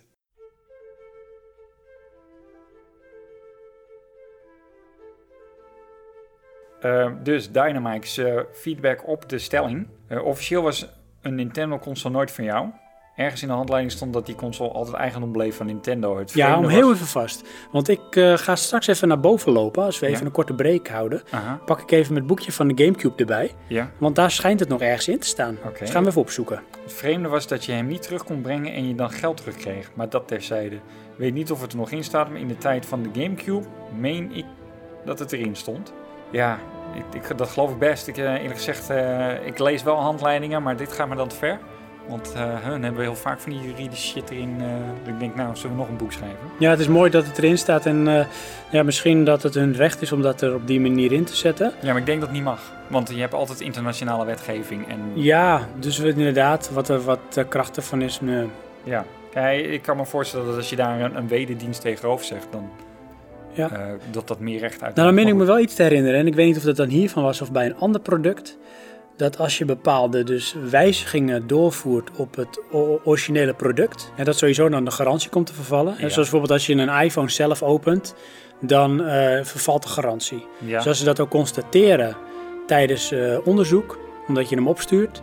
Dan kunnen ze daarop gaan acteren. En ja, misschien is het meest extreme geval dat je hem dan terug moet kopen of zo. Dat je hem niet zomaar terugkrijgt. Ja, maar dat is eigenlijk diefstal is dat. Want dan zou je je geld terug moeten krijgen. Ja, ja, misschien ja. Nou, mij. dat is in ieder geval ook me nog ergens Want bij anders is het stond. eenzijdig eh, contractopheffing. Maar goed, dan Ja, gaan we in ja, we gaan door met wat hij nog meer Ja, zegt. een console leasen of een abonnement erop nemen zou alleen werken als je dat ook van je games kan doen. Want wat moet je met 60 euro per game in je bezit als je abonnement afloopt? Ja, dat is dus ook een, een, een punt waar we net aandragen van als jij eh, eh, helemaal die deelvorm hebt. Eh, van je hebt je abonnement met je console, je zegt je abonnement op.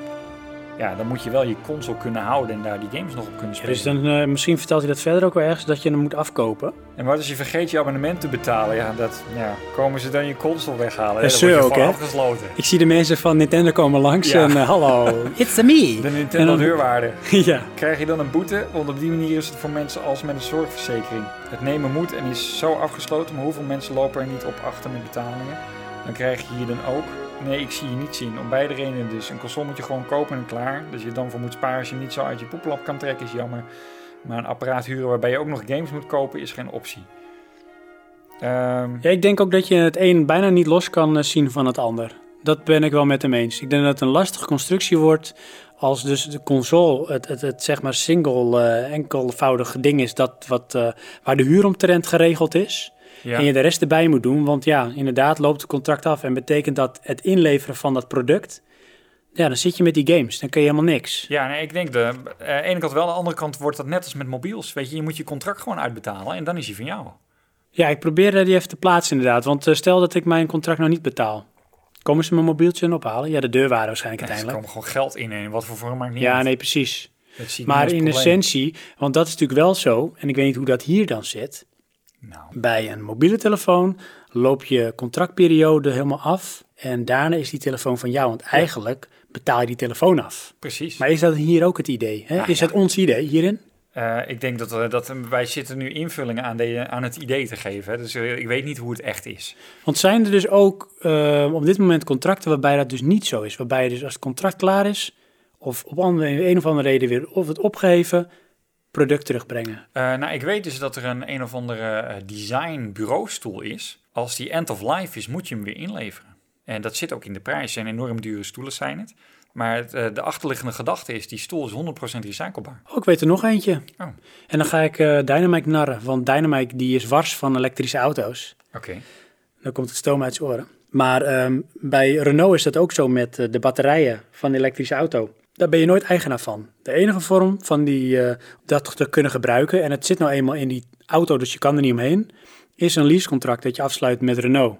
En daarin staat dat Renault te alle tijden eigenaar blijft van die batterij. Maar ook als de batterij onder een bepaald rendement komt met laden, dus laadt niet meer hoger dan 80%, dan wordt die wel vervangen. Maar je bent nooit eigenaar van die ehm, batterij. Wat dus ook betekent dat als je je auto gaat verkopen, dat je het leasecontract ook moet overdragen aan die persoon aan wie je hem verkoopt. Dat weet ik wel, want hebben we het over gehad. Maar ik weet ook niet of dat mag, juridisch. Nou, blijkbaar wel, want het gebeurt. Ja, maar ik denk ook dat het gewoon nog niet aangevochten is. Hm, Dat zou kunnen. Dus Nou, als met, eh, eh, zoals ik het nu even voor me zie, is eh, met bepaalde huurders in een woning. Weet je, als jij je huis onderverhuurt en er zitten huurders in, dan krijgen die een recht. Ondanks dat daar bovenliggende contracten zijn. Dus stel, jij hebt dit huis gekocht, moet je afbetalen aan de bank.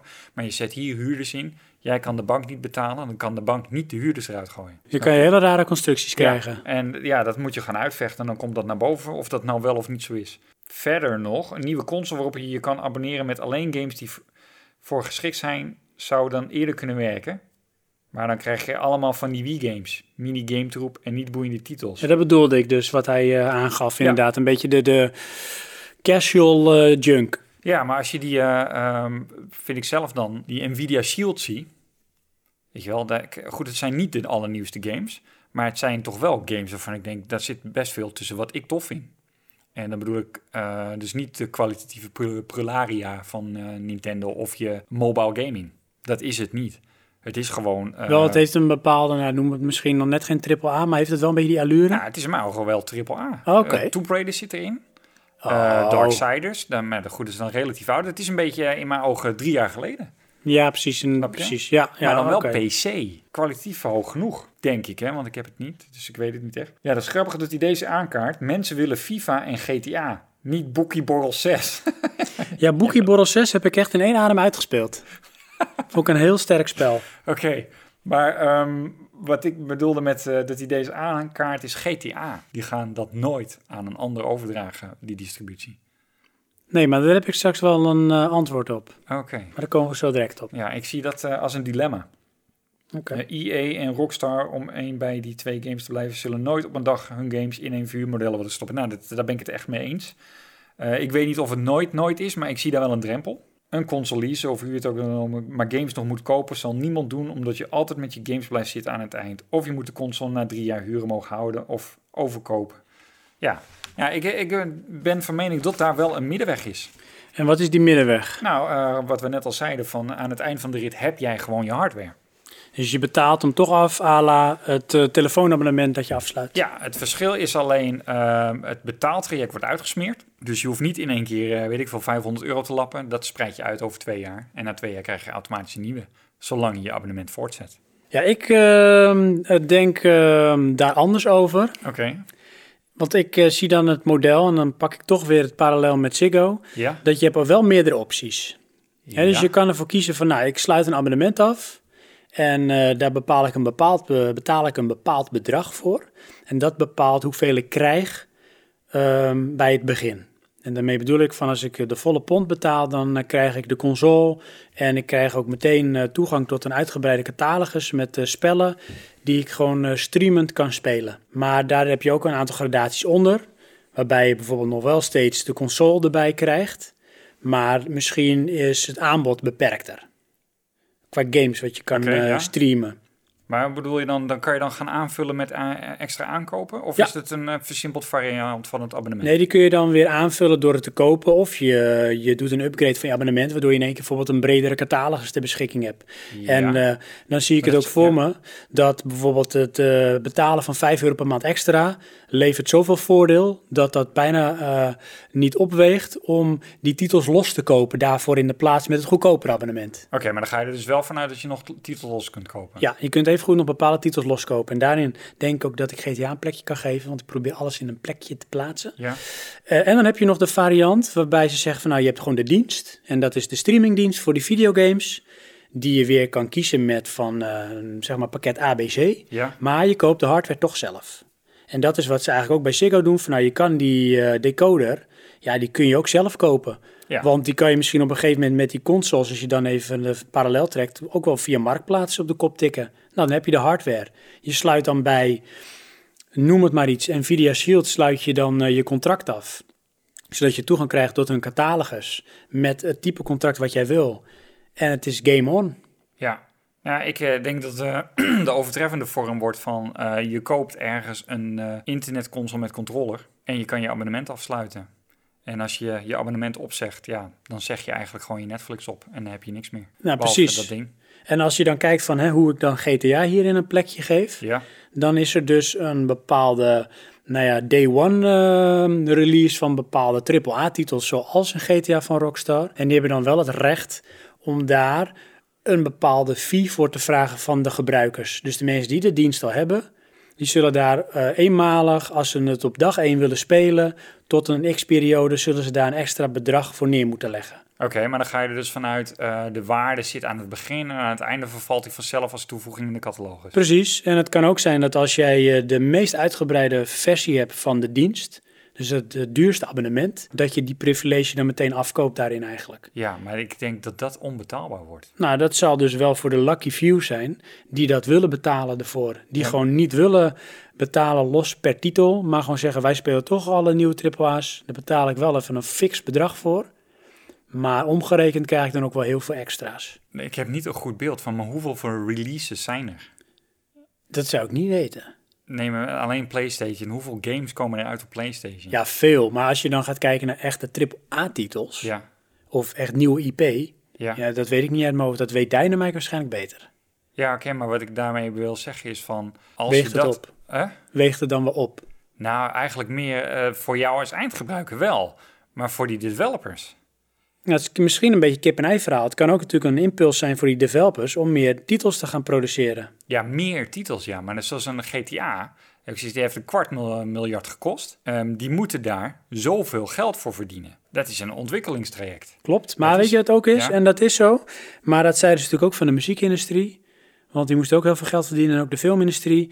Als dit soort ontwikkelingen doorgaan. En daarin vind ik eigenlijk eh, videogames nog wel een beetje conservatief. Ja? dan zul je ook je verdienmodel erop aan moeten passen. En dat kan ook betekenen dat het voor een developer zoeken wordt naar andere manieren om die inkomsten te krijgen. Ja, maar wat in mijn ogen dat automatisch betekent, is dat de development time omlaag gaat. En dat er dus eh, type games gedicteerd wordt eh, door het abonnementsvorm.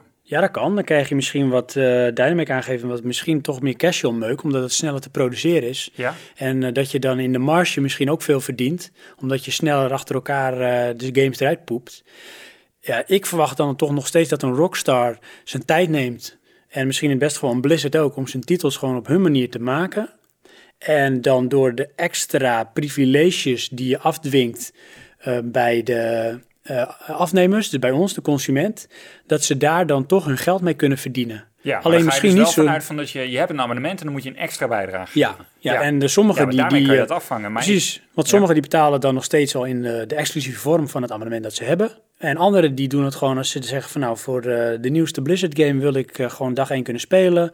Dan betaal ik eenmalig of een periode een verhoogd abonnement of een eenmalige fee om dat te kunnen doen. Ja, ik vind het lastige. Ja, Eh. kijk het voordeel is misschien wel dat als je dan gaat kijken naar hoe het zich weer uitbetaalt. En misschien gaat het niet op voor een Blizzard hoor, want die heeft natuurlijk zijn eigen verdienmodel. En dat zou misschien alleen maar een aderlating zijn voor hun. Maar als je zegt van nou ja, in de breedte gaan ze misschien er toch wel op vooruit. Want je hebt heel veel mensen die het abonnement dan afnemen in de ideale wereld. Die met welke vorm dan ook de dingen kunnen doen. Dus uiteindelijk zullen ze ook die Blizzard game kunnen en gaan spelen. Dus de royalties krijgen ze daar ook van. Dus ze verdienen het wel, maar niet zo snel als dat ze dat nu doen. Ja, ik weet niet hoe dat gaat bij een Netflix of, of überhaupt bij zo'n catalogus. Want jij bent game developer, dus je meldt je aan bij zo'n catalogus. Dan wil jij daar dus voor betaald worden. Ja, want Netflix sluit bijvoorbeeld met bepaalde filmproducenten, eh, zoals Sony en Warner Bros. en weet ik wat, sluit zij bepaalde deals. Met eh, Disney hebben ze een deal. Hè, dus eigenlijk alle nieuwste Disney-films, zoals nu Inside Out, die is volgens mij ook net op Blu-ray, die, die is, is ook op Netflix is die te zien. Ja, maar, Ja, daar betaalt Netflix gewoon grof geld voor aan Disney. ja, maar die doen dat dus met een bepaalde deal.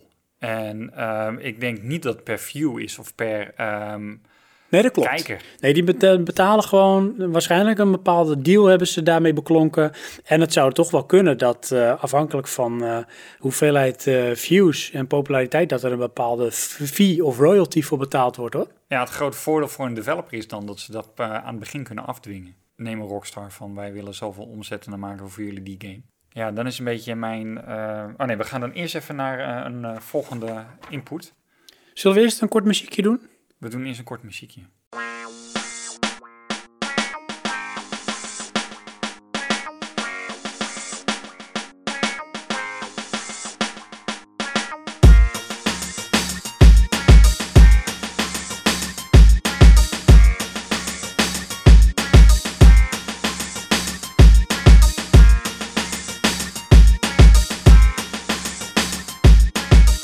Een inzending. Een inzending. Keer Pius, hè? Of Pius, wat is het? Wat jij wil. Ik noem hem altijd Piers. Oké. Ja, eigenlijk is het wat hij wil. Ja. Wist je trouwens dat ik eh, Secret Santa van Piers was? Eh, Sorry, wat? Had ik was de Secret Santa van Piers. Ik weet niet wat de ziek... Oh, jij bent Sinterklaas geweest bij Pius? Ja, ik ben langs geweest. Zei ik, Piers, kom eens even op mijn schoot zitten, jongen. Ja. Nee, eh, het is zo dat het Buttonbashers Forum, Aha, dan komt er weer een shout-out. Ik moet elke aflevering toch ergens wel even benoemen. minimaal drie keer. Minimaal. Ja. Eh, wist je trouwens ook, hè, dat is weer wat anders. Dat Buttons Bashers. Ja? Nee, dat als je iets moet... eh, nee, voordat je iets kunt onthouden of hebt doorleefd, Bij Button Bashers. Moet je dat vijf tot zeven keer herhalen. Voordat Dus- je iets hebt onthouden. Voordat je iets door, onthoudt of doorleeft, moet je het vijf tot zeven keer herhalen. Oké, zeg je dat ook tegen je werkgever wanneer het werk niet af is? ja. moet je luisteren. Voordat je iets hebt doorleefd, moet je het vijf tot zeven keer herhalen. Dus vertel nog eens, wat heb ik niet goed gedaan? Ja. Dat, dat schijnt echt zo te werken in de menselijke psyche. Oh, dat geloof ik best. Ja, herhalen is de, is de crux. Daarom vind Ja. ik ook gewoon eh, het hele opleidingssysteem zo slecht. Ja, absoluut. Maar goed, dan dwalen we af. Zullen we nu gewoon ehm, de input van Piers geven? Of Pius. Pius. Hey, maar ik wil nog heel kort even vertellen, want ik was de Secret Oh ja, van Secret. Santa. Weet je wat het is? Op het uh, Buttonbashers forum, Ja, check voor. ja. daar hadden ze eh, een hele leuke actie. Aha. Ehm, dat was rond de kerst. Dan, ehm, voor die tijd uiteraard, moest iedereen een loodje inleveren als het ware, digitaal, met ehm, wat ze eventueel zouden willen. En dat ging dan in een digitale hoed. Mhm. En op een gegeven moment ging het in de mix. En iedereen die mee had gedaan, die kreeg weer een loodje van een ander met eh, zijn of haar wensen, Ja. al dan niet. En een vast budget. En dat was dan volgens mij 20 euro. Oké. En daar ging je dan eh, vaak game-gerelateerde dingen kopen. En eh, daar moest je dan zelf een surprise of iets van maken, net wat je wilde. En dat stuurde je op naar diegene. En die moest dat dan onder zijn kerstboom leggen, totdat het kerst was. En dan mocht het pas open. Dus het moest volgens mij ook uiterlijk 16 december opgestuurd worden. Oké, maar waarom kerst? Waarom niet Sinterklaas? Nou ja, weet ik eigenlijk niet. Ja, dat, is, dat komt overwaaien uit volgens mij Reddit. Wat ze, je kent Reddit toch, die website? Daar is het volgens mij ook zo'n soort Secret Santa oké, actie. ja. Dus dit hadden ze daar ook. Maar het leuke was, ik had dus Piers. En eh, ehm, Jij moest Piers doen of Piers jou? nee... Ah. Nee, jezus, wat een slecht verhaal dit. Ja. Dit moet opnieuw. Want? Want Piers had mij. Ja. Piers, sorry man. Piers had mij. Ja. Ik had Piers niet. Ik had Ice Street. Oké, die staat hier niet op instelling, staat maar niet dus op. we beperken ons even tot Piers. Ja, Piers had mij. Ja. Hoe kom ik nou bij dat ik Piers had? Ja, Piers had mij, graag, maar- Piers had echt een hele mooie surprise voor me gemaakt. Oké. Met een mooi gedicht erbij, ook over de podcast en zo. Aha. En eh Piers had, ik had gewoon niks van, ik ben met alles wel blij. Eh, als je iets stuurt, maakt me niet zoveel uit. Op een gegeven moment had ik daar nog een, toevoeging eh, bij gedaan van, nou, ik vind... Doe toch maar Xbox. en heel exclusief. Nee, ik was nog op zoek naar bijvoorbeeld de Bioshock. Oh ja. En eh, dat vond ik prima, want deze maakt niet zoveel uit. Iets voor de PlayStation 2 of zo. Maar toen heb ik van hem dus Bioshock 1 en 2 gekregen. Oh ja. En bij 2 ook een soort Collector's Edition. Ja. En ik had Prince of Persia Sense of Time gekregen voor de PlayStation 2. Oké. Dus dat vond ik echt heel erg eh, royaal. Ja. En als een soort lofzang naar Piers terug heb ik toen een videoboodschap gemaakt. Waarin ik dus zeg maar een soort unboxing doe van die eh, spellen. Aha, met ja. helemaal een beetje muziek en overgangen daarin. Staat die op Dus YouTube? Die staat eh, niet op YouTube, wel op Buttebestjes Forum. Oké. Ja. En dat was eigenlijk een beetje een soort, ik wilde iets terugdoen voor hetgeen wat hij mij had gestuurd. Ja. Dus dat was, ik was, hij was dus mijn Secret Santa. Ah. Piers. Ja. Bedankt man. Nou, bedankt. Ja. Nogmaals. Ik ben lekker ook Bioshock aan het spelen. Aha. Stoer. Maar daar ging het hier nu natuurlijk Nee, niet het om. ging eigenlijk even om onze reactie. Eh, in grote lijnen ehm, geeft eerst een reactie op ehm, eh, het feit dat er iets in de handleiding van Nintendo staat, al dus ehm Dynamite. Nou, ik ga toch een stukje voordragen. Dat gezegd hebbend, lijkt me huren van console helemaal niet werken. In het huidige klimaat sowieso niet meer. Ik denk dat het sowieso absoluut niet aan zou slaan of zou hebben geslaan. En ik verwacht dat het in het verleden wel geprobeerd zou zijn. Ja, is dat zo? hè? Denk je dat dit alles gebeurd is? Of getracht eh, te positioneren? Nou, ik heb wel het beeld dat ze altijd natuurlijk alles in abonnementsvormen willen doen. Eh, want dat is natuurlijk eh, easy cash. Ik denk wel dat de, hoe noem je dat? Kijk op de wereld aan het veranderen is. Om een ander raar voorbeeld te geven is autobezit neemt af. Nieuwe generaties willen geen auto. En nou eh, beschouw ik mezelf niet tot een nieuwe generatie, maar ik heb wel ook geen auto. Je hebt wel geen auto. Ja, maar ehm, wat ik daarmee probeer te zeggen is dat eh, er is wel degelijk een verandering in hoe er naar dingen en naar bezit gekeken wordt. En nou ben ik zelf eh, ehm, daar zelf eigenlijk ook al in aan het veranderen. Van dat hoarding, daar stap ik een beetje vanaf. Van, ik heb eerder zoiets van, joh, als we het nou gewoon weggooien, dan hoef ik het ook niet meer op te ruimen. En dat scheelt allemaal weer ruimte. Dus ik denk dat daar toch wel een beetje een trend in is. En waar, waar zou die trend zeg maar uiteindelijk naartoe kunnen gaan? Eh, het jouw afsta- afschaffen van bezit. En wat, wat komt daar dan voor in de ruil? abonnement. Het, eh, je betaalt voor eh, het gebruik. En als je dat bijvoorbeeld kijkt naar, bijvoorbeeld, je noemde net autobezit. Hoe zou je dat daarop kunnen plotten dan? Hoe, hoe heet die taxidienst? Uber. Ja, dat is Ah, een oké. beetje een, een huurvorm, maar je zou natuurlijk. Eh maar dan word je- alleen maar transport hebben. Ja, je, je wil vervoer van A naar B. Dat is eigenlijk de behoefte. Hè? Ja, en het En- liefst autonoom als de robotwagen is. Dat is natuurlijk het allermooiste. Ja, wat daarin denk ik dan. Je krijgt dan inderdaad een soort abonnementsvorm wellicht. Lees à la openbaar vervoer of zo. Maar, of misschien krijg je wel gedeeld bezit. Dus dat je zegt van, nou ja, weet je, met, met een bepaalde club of groep koop je eigenlijk iets, om het zo maar te zeggen. Of dat is onderdeel van de dienst. En dat stelt je nog steeds in staat om bijvoorbeeld zelf die auto te kunnen rijden, al dan niet autonoom als nodig is. Maar als jij op je werk bent, heb je hem vervolgens niet nodig en staat die auto daar. En in die tijd kan hij heel veel andere mensen van A naar B brengen, bij wijze van Ja, spreken. maar waarom wil je dan zelf die auto rijden nog? Nou, dat is dan even de vraag. Het kan ook autonoom. Maar ik bedoel dan dat je misschien Nee, nog wel... niet zelf rijden, maar het feit dat die auto bij, bij je blijft. Waarom kan je niet gewoon, ik stap in de auto en ik ben op mijn werk klaar. Ja, nee, dat kan Ga maar ook. lekker doen wat je later kunt. Ja, maar dan noem ik het nog steeds wel een soort van gedeeld bezit. Dus meerdere mensen kunnen van diezelfde auto gebruik maken. Dus Ja. waar het voorheen en heel eigenlijk inefficiënt jouw auto was... Ja. en kijk maar eens naar de gemiddelde eh, auto op de snelweg... Zeker als er files zijn, kun je daar goed naar kijken. Ja, zit er maar één in. Eén in. Ja. En het zijn allemaal dezelfde auto's als het ware. Maar Ja. iedereen zit alleen in zijn autootje. Het slaat Maar- natuurlijk helemaal nergens op. Nou, dat betekent niet dat ik bij een ander in de auto wil zitten. Nee, ik- precies. En dan wil ik ook niet als hij zelf rijdt. nou, dan wil ik wel alleen in die auto zitten. Ja, dat bedoel Ja, ik, precies. Niet met anderen. Ja. Maar ik vind het ook niet logisch dat mijn auto vervolgens de hele dag stilstaat als ik op mijn werk ben of iets anders aan het doen ben. Nou, dat vind ik op zich wel logisch, gezien het feit dat niemand hem rijdt. Maar in feite is het eh Het is inefficiënt. Inefficiënt. En als je dat doortrekt, wat jij noemt naar het einde van bezit, dan eh, kan ik dat ook eh, vertalen van ik heb allemaal spullen in mijn huis. En heel veel van die spullen die gooi ik niet weg, want het is mijn bezit, maar ik doe er ook niks mee. En op dit moment is er bijvoorbeeld in Nederland en misschien zelfs in eh, mijn provincie of misschien zelfs in mijn dorp iemand die op zoek is naar datgene wat ik heb. En misschien heeft die wel iets, of een ander in het dorp hier, op dit moment iets wat ik nu nodig heb. Ja. Waarom zou ik dan ook moeten kopen of moeten huren? En kan ik gewoon niet een soort gedeeld bezit doen? Van nou, hè, als het ware een dienst voor een dienst. Ik Ja, heb dingen die anderen kunnen een, gebruiken. probleem, maar goed. Nou goed, dat is natuurlijk al wel een utopie. Ja. Maar in essentie is het natuurlijk heel onlogisch dat er dingen liggen niks te doen waar anderen nu behoefte aan hebben. Klopt. Maar ik, eh, ehm, het afschaffen van bezit, om dat nog even door te trekken. Ja. Ik zie dat ook met woningen. Waarom zijn de woningen niet gewoon van de staat? En, en eh, je betaalt belasting voor het recht voor wonen. Maar ehm, heb ik nog wel keus dan, hoe mijn woning eruit ziet? Nou ja, in mijn... eh, ehm, Kleine Stalin. eh, inderdaad.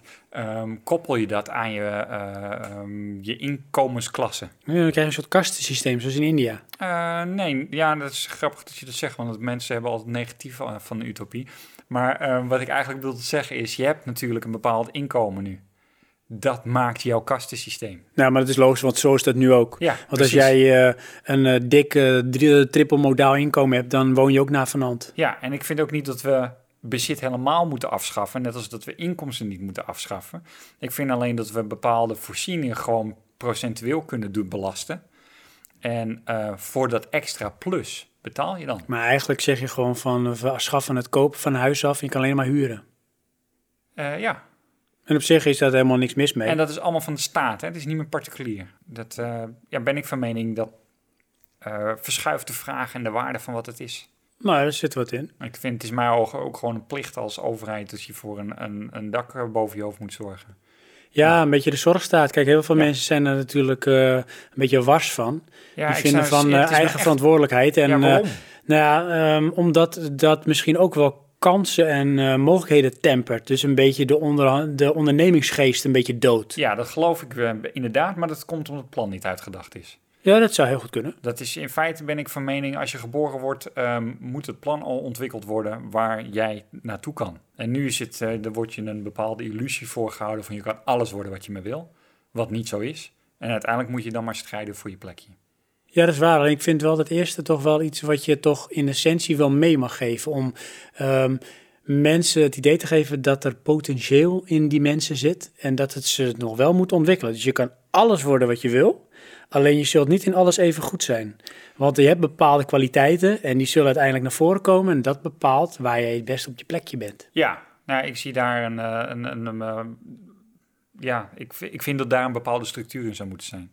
Oké. Want wat je nu ook ziet is dat iedereen eh vrije tijdskunde doet. Of iedereen wil eh, eh, artiest worden of zo. En ik denk, dat is leuk, maar daar is geen markt voor. Als je dat als een professie wilt nastreven, dan is dat natuurlijk voor eigen risico. Maar dat is natuurlijk nu ook zo. Ja, nu ja.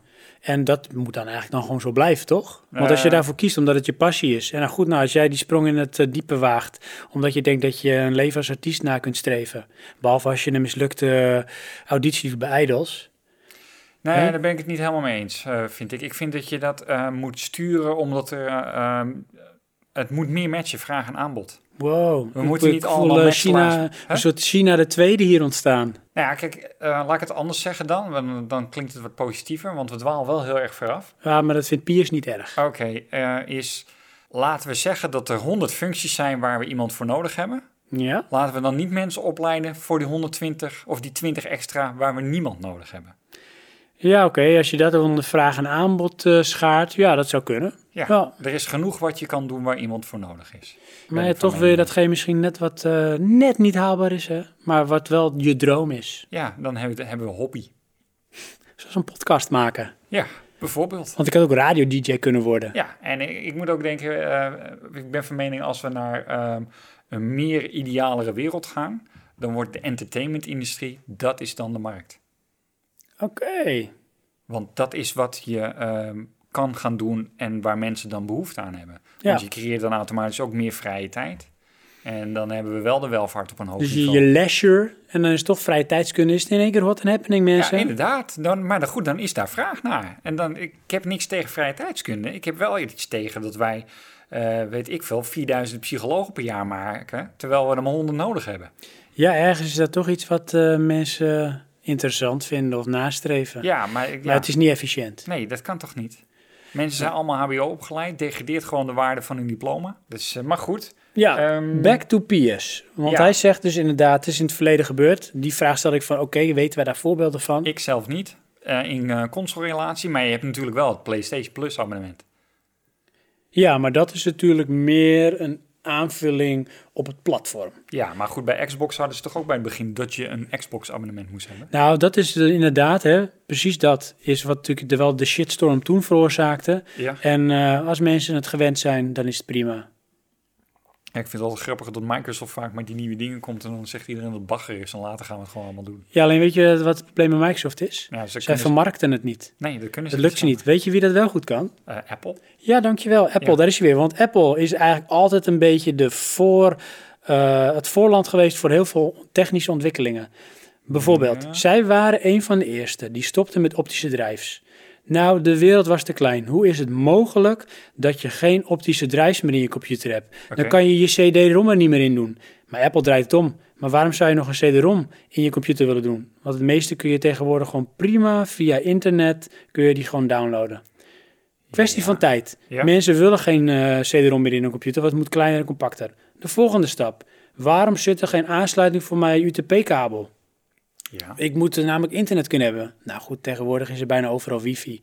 Kwestie van tijd. En dat gaat ook doorzetten, want dat soort dingen verdwijnen. De volgende stap bij Apple. Nou, Zij gaan hun ehm, headphone plug gaan ze verwijderen uit de volgende. In de volgende iPhone, iPhone 7, zit geen headphone plug want meer. het is allemaal Bluetooth. Het is allemaal Bluetooth Oh, of ja. via een Lightning eh, connector. Oké, maar dat ja, sorry, ik vind het een beetje jammer. Ik, weet je waar ik onder de indruk zou zijn? Als ze zeggen, we halen het scherm eraf. ja, Mensen hebben helemaal geen scherm nodig. nee. nou, dan krijg je van die film Her.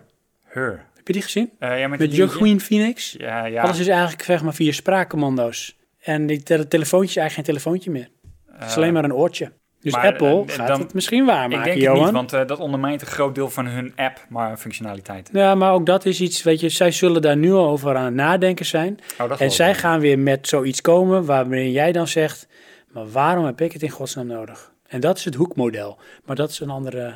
Nou, moet ik zeggen dat ik tot nu toe niet hooked ben door Apple. Ah, goed. Ja, ze hebben mij te pakken hoor. Ja, dat blijkt. Ze spelen mijn gevoelige snaar.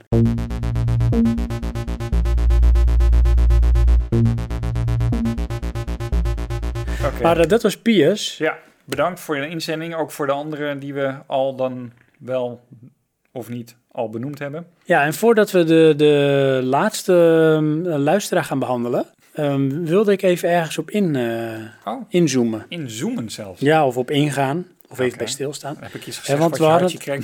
Ja, Johan, want ik vind het heel vervelend. Nee, uiteraard niet. Nee, we hadden het net natuurlijk over van um, De utopie? de utopie. Nee, als je dus straks bijvoorbeeld die dienst hebt, waarin Ja. je dus games kan streamen als het ware. Hè? Ja. Van, uh, dan wil elke leverancier, noem ik het maar weer even, als de Sony en de Microsoft en de Nintendo, wil dat op zijn eigen manier toch gaan doen. Ja.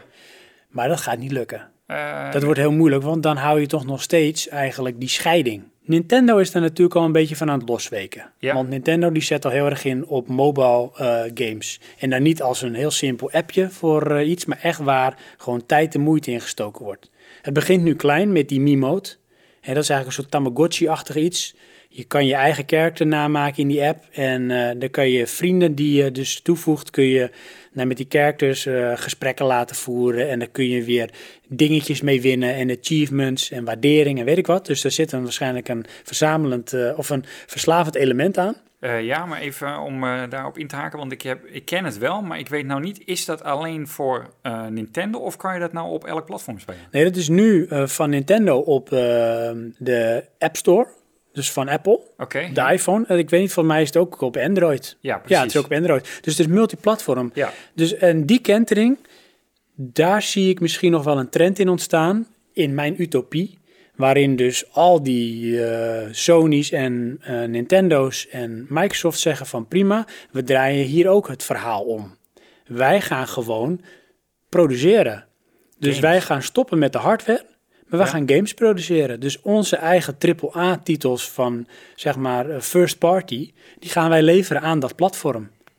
En dan kun je misschien tijdelijke deals sluiten als er toch nog meerdere platforms zijn, zoals een Nvidia Shield of eh, GeForce Now, Ja. waarin dan ja, bepaalde exclusiviteit afgedwongen wordt door deals.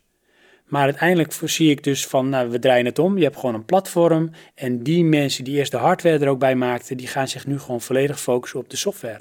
En die kan ook op dat pl- platform gedistribueerd worden. Ja, ik, weet- ik weet het niet. Ik denk dat daar toch, helemaal als je nu Nvidia ziet, die heeft het rekenkracht staan. Ik, ehm, als dat zich doorzet, dan verwacht ik dat een, eh, een eh, Sony ook een rekenpark neer gaat zetten.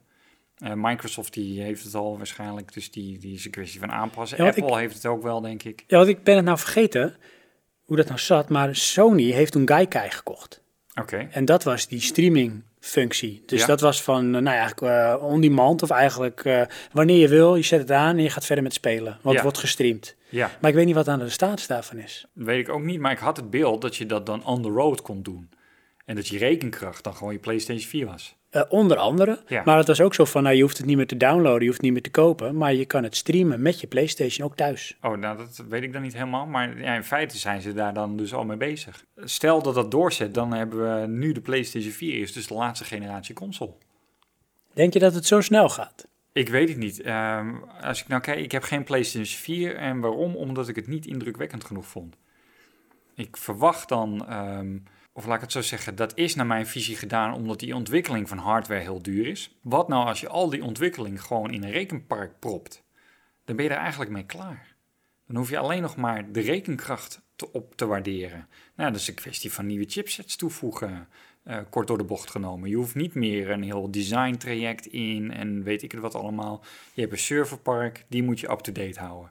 Dat zijn je ontwikkelingen. Je weet wat het is qua hoeveelheid, hoeveel je om gaat zetten, want dat is gewoon het park.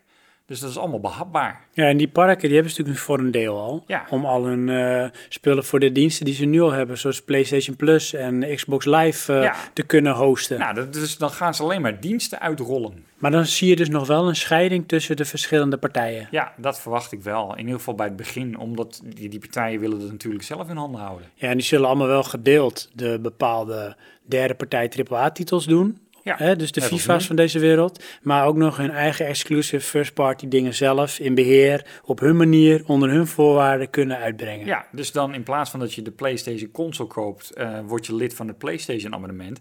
En heb je thuis je Nvidia Shield staan om ermee te verbinden. Oh, dus wel met je Nvidia Shield verbinden om die PlayStation-spellen te kunnen spelen. Bijvoorbeeld, ja. Ja, kijk, ik zeg nu Nvidia Shield omdat we het daarover hebben, maar Ja. het gaat om het kastje wat een abonnement kan afspelen. Ja, precies. Dus die zou universeel kunnen zijn. Ja, het zou best kunnen zijn dat ze dat gewoon integreren in je tv. Ja, dat is natuurlijk wel praktisch. Alleen daar zat ik ook over na te denken. TV's die worden nog best wel met enige regelmaat weer vernieuwd. Ook Ja. al is het niet altijd nodig. Want mensen willen toch groter of weet ik wat, of nog meer hertz. Maar als het ding bijvoorbeeld vervolgens ook kapot gaat, dan bezit je meteen. En ik vind die scheiding dan nog wel prettig, dat je een los stukje hardware hebt, die dan los van de televisie als het ware maar kapot kan gaan als het ware. Ja, en ik had wel de andere kant. eh, dat had je vroeger ook met van die, van die MIDI-torens, weet je wel. Dan wou je alle componenten los, want Ja. dan kon er wel eens wat stuk gaan. Hoe vaak doe je dat nou? Nee, maar het- en dat is misschien ook wel maar de angst die regeert en eh, misschien totaal ongegrond. Want inderdaad, hè, net als van eh, ik wil niet op elektriciteit koken, want als er stroom uitvalt. Nee, hoe vaak Ja. gebeurt dat? Nou, wel steeds vaker, maar goed, eh, ja, uiteindelijk leg je je erbij neer en dan is het toch gewoon gemakkelijk. Ja, dat is waar. En je hebt minder dingen in je huis staan. Je hebt minder wat je schoon moet maken. Dat vind ik prettig. Ja, Weet je wat ik dan nog wel zie voor me? nou, Dat eh, stel dat je inderdaad dan het, het, eh, de echte console als hardware even loslaat. Dus dat wordt een eh, nou, redelijk misschien universele en daardoor ook een hele diverse markt. ja. Dus misschien kan iedereen uiteindelijk wel de hardware maken. ja als de, dat als verwacht de, ik dan wel. Als de, de, de randvoorwaarden of de pre-requirements duidelijk zijn, dan kun je zelf bij wijze van spreken aan de slag. Net als dat je je PC in elkaar steekt. Ja. Dus het zijn eigenlijk allemaal veredelde PC's. Dan heb je misschien nog wel de eerste partijen als Sony, PlayStation en Microsoft, die misschien de additionele hardware maken. Als controllers, maar ook misschien bijvoorbeeld eh, de VR. VR-headsets Ja. en dat soort dingen. Maar goed, daar krijg je ook spin-offs van. Weet ik zeker. Want zodra het op de markt is, is er een, is er een Chinees die het ook maakt. Ja, alleen dan moet je wel kijken van als eh, Nvidia Shield met GeForce Now dan de meest nieuwe VR-game van Microsoft ook eh, afspeelbaar maakt, dan eh, kan het zijn dat die Chinese fabrikant dat dat niet ondersteund wordt. Nee, ja, inderdaad, dat risico loop je. Je zult dan toch zien, inderdaad, wat je zegt, tenminste verwacht ik, laten we het zo zeggen, ehm, dat een aantal van die partijen zich willen gaan onderscheiden. En het zou best kunnen zijn dat we, weet ik veel, over een vier jaar eh, volledig abonnementen hebben. En dat dan de trend wordt om daar weer hardware aan te koppelen. Ja, dat kan. Dat Want- is misschien toch altijd een soort golfbeweging. Ja, want het is eigenlijk, ehm, zoals ja, in die stukken die ik gelezen heb, eh, werd het een beetje gepresenteerd van eh, dat Xbox gaandeweg je hardware gaat updaten. Net als dat bij PC is. En dan had ik zoiets van ja, maar een console is juist het antwoord op PC om dat niet te hoeven doen. Dus dat ik is wil- de andere kant op. Ja, dat klopt. Maar ik had begrepen bij eh, Microsoft dat ze natuurlijk met Windows 10 eigenlijk de final blow wilden geven van nou, dit is het. Dit is het universele multi-platform. Platform, ja, klopt. Ja, En daar gaan we gewoon op doorontwikkelen. Dus daar kun je wat dat betreft op die manier ook op voortborduren. ja maar, dat- maar dat, dat doen ze ook. En het is volgens mij nu ook al zo dat ehm, eh, Xbox One en Windows gewoon cross-platform gamen. Dat vind ik trouwens ook nog steeds gek. Hè. Waarom kan ik niet, als ik bijvoorbeeld Call of Duty speel op mijn PlayStation met iemand die een Xbox heeft spelen? Ehm, ik denk puur omdat ze dat niet willen, dan moeten die servers met elkaar praten. Dus dat is allemaal een soort met misgunning of zo, of Ja. belangen. Maar dat vind ik wel ergens een beperking. Als ze nou die barrière kunnen doorbreken, dan ben je toch echt cross-platform. Ja, nou ja, weet je wat ik dan belangrijk vind zelf? Ik wil met iemand in Japan kunnen gamen. Ja, oké, maar maakt het je uit of die nou een Sony, PlayStation of een eh, Microsoft Xbox heeft? Interesseert me helemaal niks. Nee. Het gaat mij erom dat het draait. Ja, precies. En dat is dus niet zo. Maar heb je dan niet de behoefte aan ehm, identiteit? Dus sommige mensen willen natuurlijk bij een clubje horen. Dus die willen Ja. namelijk, ik wil Sony PlayStation, want ik ben Sony PlayStation nou ja, fanboy, of ik wil gewoon tot die club behoren. En dat Ehm, verlies je misschien daardoor wel ja, een dat beetje. verlies je, dat verdwijnt helemaal. Want je, je neemt gewoon een abonnement. En ehm, ja, eh, wil jij tot de, eh, de HBO-mensen horen? Nou, dat is precies hoe je er naar kijkt. Alleen als ik kijk naar hoe eh, film ehm, en entertainment in dat opzicht, film-entertainment, Ja. zich ontwikkeld heeft, is dat niet vanuit zeg maar dat fanboy-idee geboren. Nee, en klopt. bij eh, consoles natuurlijk duidelijk wel. Ja, ja, en ik moet zeggen, bij mezelf heb ik het ook. Ik ben, heb altijd een, een voorliefde voor Sony gehad. Ik ook. En dan eh, eh, Sega daarnaast. Nou, dan... Ik Nintendo daarnaast. Nou, praktisch wel Nintendo, maar ik vond Sega dan toch een toffer merk. Ik vond Sega meer een soort interessante niche. En ergens ook toen ik zo klein was, misschien wel iets te volwassen. Dus ik, ik vond, oh, dat is voor iets oudere mensen. Ja, gewelddadig. Ja, daar vond ik het toffer. Ja, dat kan. Ja, die identiteit. Ik, eh, ik denk, laten we het zo zeggen, in eh, de wereld van ehm, zonder bezit, dan moet je dat loslaten. Nou, dat moet je dus willen loslaten. Ja. Ja, precies dat. En dan eh, maak je je identiteit door de uitingen die je doet, niet door wat je bezit. Want je bezit minder. Dus het wordt belangrijker dan wie je bent in plaats van wat je hebt. Dat is bijna boeddhistisch. Eh, ja. Maar ja, het is ook niet voor niets een beetje een idealistisch wereldbeeld. eh. Nou, dat is waar.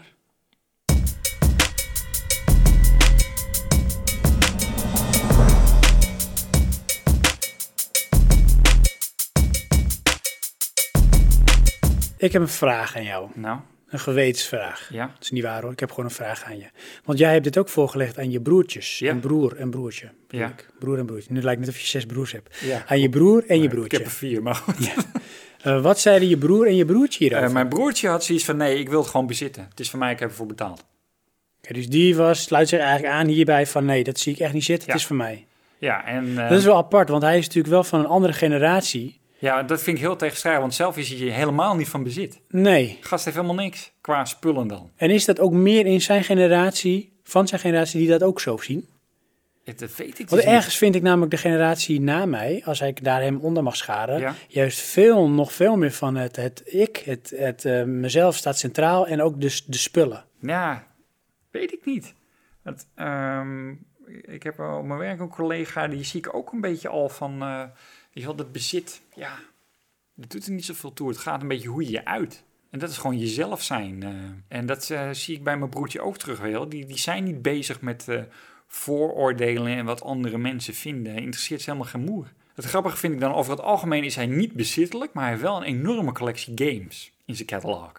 En daar heeft hij, hecht hij ook waarde aan. Grappig, want hij is dus wel al van de generatie dat het al verschoven is van fysiek naar digitaal. Ja. Maar toch is dat wel zijn collectie. Ja, ja dat is maar misschien kunnen we dat dan klassificeren als een bepaalde hobby. En dat je het dan nog wel overhoudt. Maar ehm, Dus hij heeft het ook niet in het fysieke bezit moeten hebben. ik eh, zou niet weten, maar hij heeft, hij heeft nooit echt spullen verzameld. Ja, als kind speelgoed natuurlijk, maar niet dat hij eh, daar nu nog dingen mee heeft.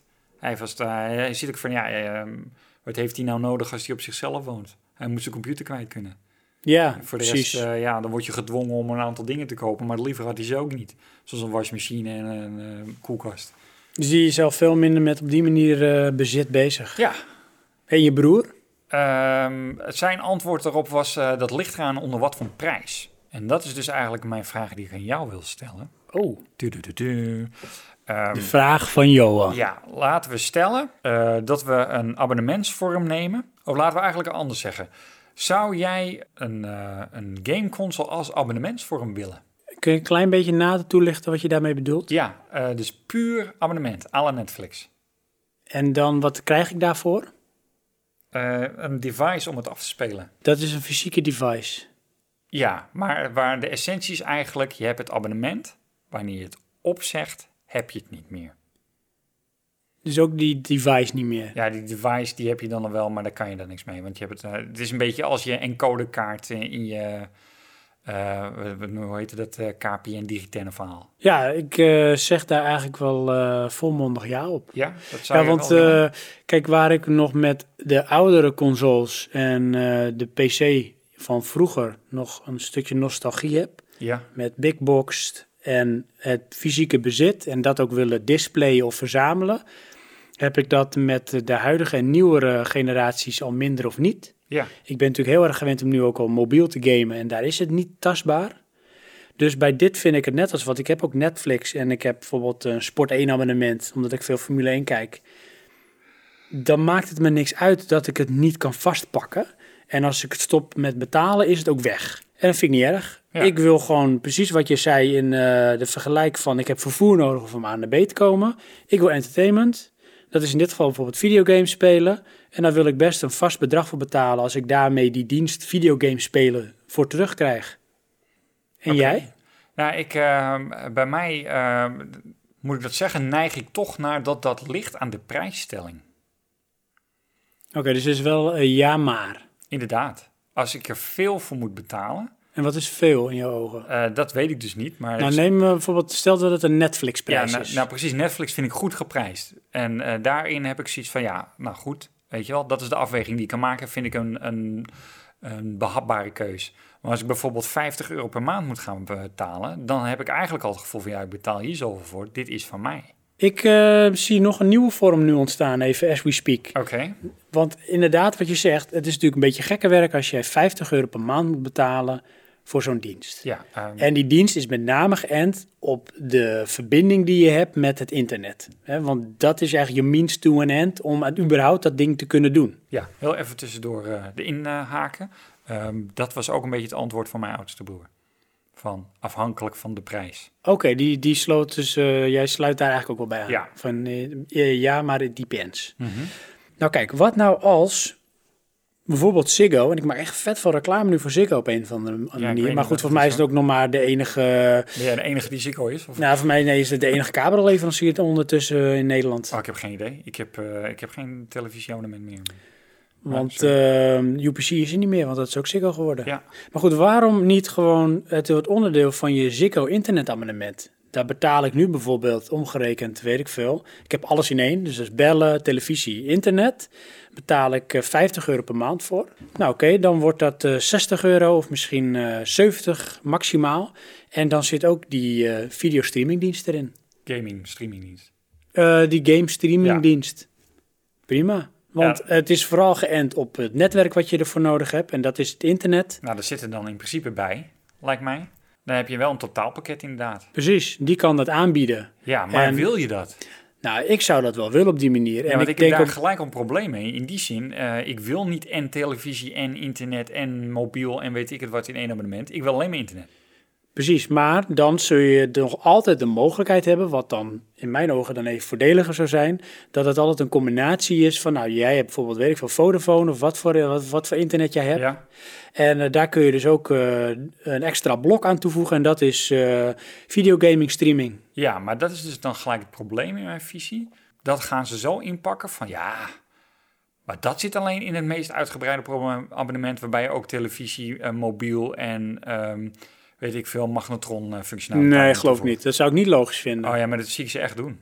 Oké, nee, dan denk ik dat ze wat dat betreft eh, hun eigen gat graven als ze het op die manier aanpakken. Ja, maar dat hebben ze toch al zo vaak gedaan met al die abonnementsdiensten. Ja, misschien leren ze er uiteindelijk dan ook wel van. Alleen ik ja, voorzie dat er zijn ook heel veel mensen inderdaad die hoeven niet alles. Maar Ja. die willen wel gewoon internet en gamen. Daar zijn er genoeg mensen van. Die moet je toch ook gewoon voorzien. Eh, weet ik niet, want ik denk over het algemeen wordt gamers niet serieus genomen. Nou, ik denk dat daar wel een kentering in is. In, in, in plaatsvindt nu. Want als ik al kijk, eh, waar ik bijvoorbeeld vroeger op een feestje zei van... nou, ik game graag. Zit je aan te kijken, hey nerd of zo, en noem maar even iets. Ja, Dan is het nu van, oh tof, wat speel jij dan? Want dan spelen ze zelf ook spellen. En dat gaat misschien niet verder dan hun eigen smartphone of dergelijke. ja. Maar het is denk ik wel een veel beter geaccepteerd medium. Wat Ja, veel breder gedragen is dan dat het voorheen was. Dus voor dat voorzie ik eigenlijk dat dat wel, eh, wel goed komt wat dat betreft. Ja, nou, als we dan toch over eh, wensen praten, heb ik dat liever dat dat losstaat en dat ik gewoon A, mijn internetprovider heb en B, mijn game dienstprovider. Oké, en dan eh, zie je daarin dus eh daarop voortbordurend nog wel dan eh, de diverse losse partijen. Ja, ja, en ik zie, er is ook geen bezwaar tegen als zo'n internetprovider dat toch ook aanbiedt. Net als dat je HBO krijgt bij een UPC of zo, weet ik veel. Maar ehm, ik vind wel dat ik het ook zelf los moet kunnen kiezen. Maar goed, dan krijgen we het eigenlijk over een stukje vrije marktwerking. Dat maakt niet zoveel uit voor de service eh, van... Of voor de kwestie van, wil je een gameconsole als abonnement?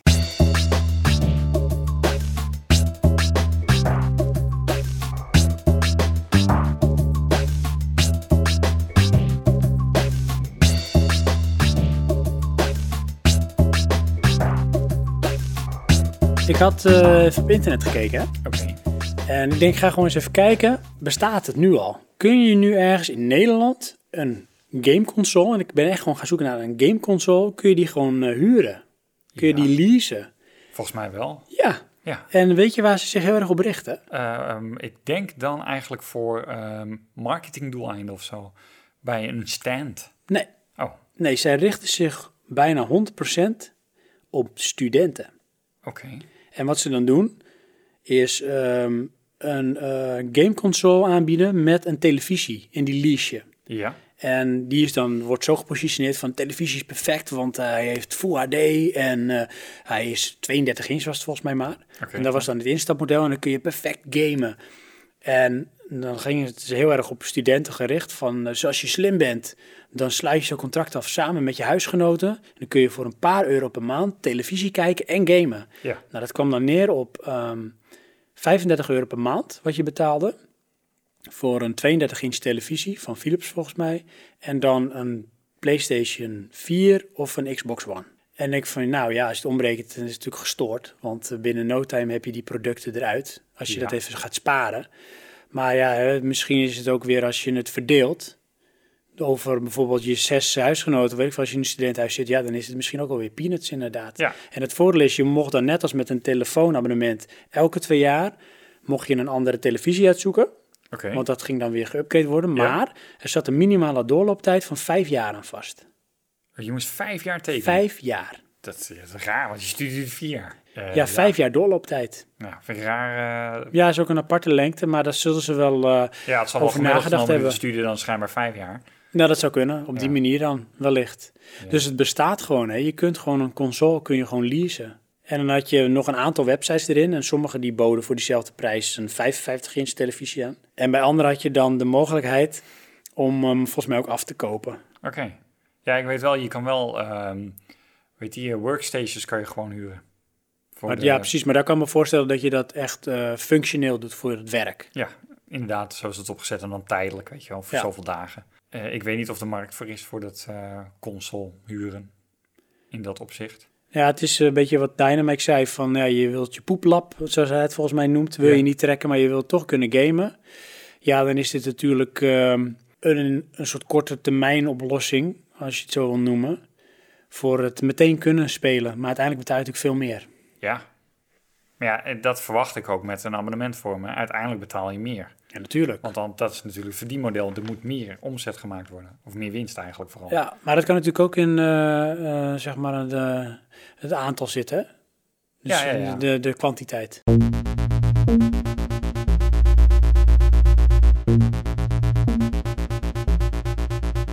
Zullen we de laatste luisteraar eh, behandelen? Eigenlijk de ene laatste, want de laatste bewaren voor het laatst. Ja, dat is de mooiste. Maar goed, we beginnen de of, eh, we omschrijven nu Gallius dan, hè? Gallius. Ja. Eh, ga jij voordragen dit keer? ja, zal ik hem dit keer voordragen? Doe maar. Krijg ik ook een muziekje. Is goed. Ehm, zullen we een muziekje van een videogame doen? Als jij die voor ogen hebt, dan doen wij dat. Dan doe ik het muziekje van Metal Gear Solid 1. Oké. En dan spannende Moet ik nou gaan even... Dat je Snake. Eh Gallius, die zegt... Ja. Ik vraag me af hoe je zo'n abonnement voor consoles voor ogen ziet. Nou, Een soort met een vraag aan jou. Van hoe zie je dat voor ogen dan? Nou, dat hebben we volgens mij wel heel uitvoerig proberen uit te leggen. Ja, zo'n beetje de afgelopen anderhalf uur, denk ik. Klopt.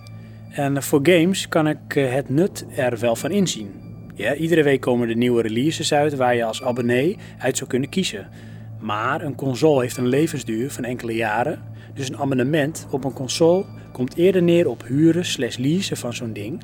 En dat heeft, zoals Dynamite al aangeeft, weinig zin. Als je er toch zelf de games voor zou moeten kopen. Sluit je bij aan?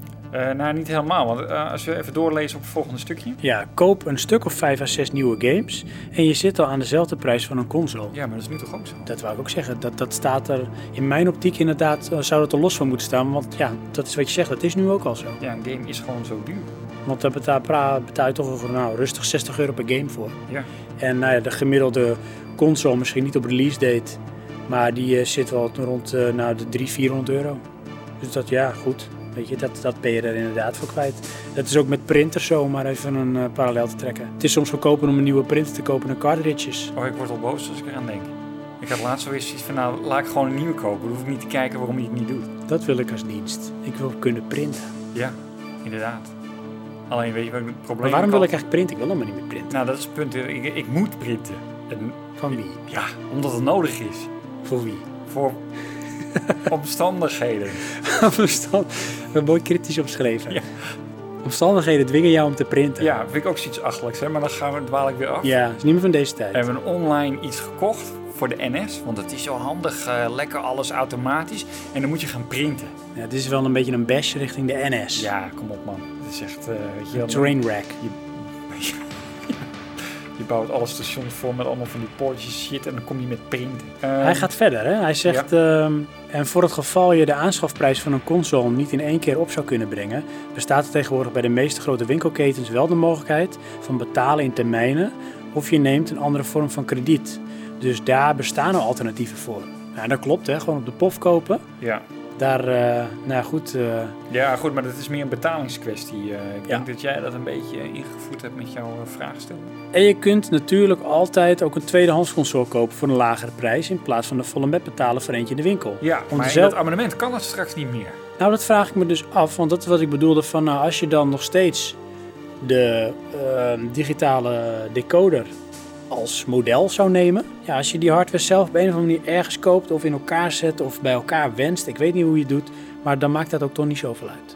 Eh, nee, maar in essentie is het eh, wanneer de hardware vervangen moet worden, is er gelijk geen vraag meer naar, want het abonnement dwingt dat. Ehm, ja en nee, dan, want dan als ik het weer naar die digitale decoder eh, relateer... Ja. dan is het gewoon zo, en ook eigenlijk de gemiddelde smartphone. Er komt op een gegeven moment een bepaalde update van het besturingssysteem. En dat dwingt af van jongens, oude modellen deprecated in favor of de nieuwste software. Dus ja, je zult een iets nieuwere versie, het hoeft niet de nieuwste te zijn, maar je zult alweer een iets nieuwere moeten kopen om het nog ondersteund te houden. Ja, maar als je dan kijkt naar ehm, games, krijg je het punt van eh, om dit nog te kunnen doen, moet je naar nieuwere hardware. Nieuwere ja. Ja. Ik denk niet dat ze dan misschien af, meteen afdwingen van je moet de nieuwste hebben. Nou Ja, maar nieuwere. Maar wat ik wil zeggen is eigenlijk, De oudere voldoet niet meer. Nee, dus die is op een gegeven moment gewoon ook niet meer te verkopen. Die Juist. wordt obsolet, die Dus wordt die overbodig. tweedehands is er niet. Nee, die tweedehands niet. Maar er is altijd een tweedehands markt voor Ja. Mensen die eh, hardware. stoppen ermee of wat dan ook. En Ja. Dan, ja dat, dat, dat zal er wel zijn. En hij sluit af met, eh, om deze redenen zie ik zelf dus ook niets, in een, hij ziet ook echt niets in een abonnement op een console. Ja. En mensen, eh, de mensen die gereageerd hebben, bedankt trouwens, maar die kunnen het dus lastig loszien van ehm, de, de games. Of die zien het hier juist los van de games en daarom zien ze het niet zitten. Ja, ja die, die zien de games als het bezit. Wat op zich een beetje logisch is, aangezien het buttonbashje vorm is. Maar, Laat los! nou, kijk, ehm, ik weet ook niet helemaal of ik het wel zou kunnen hoor. Wat zou je niet kunnen? Helemaal loslaten? Nou, gewoon puur een abonnementsvorm. Want weet je, eh, het, eh, ergens is het toch wel een stukje identiteit.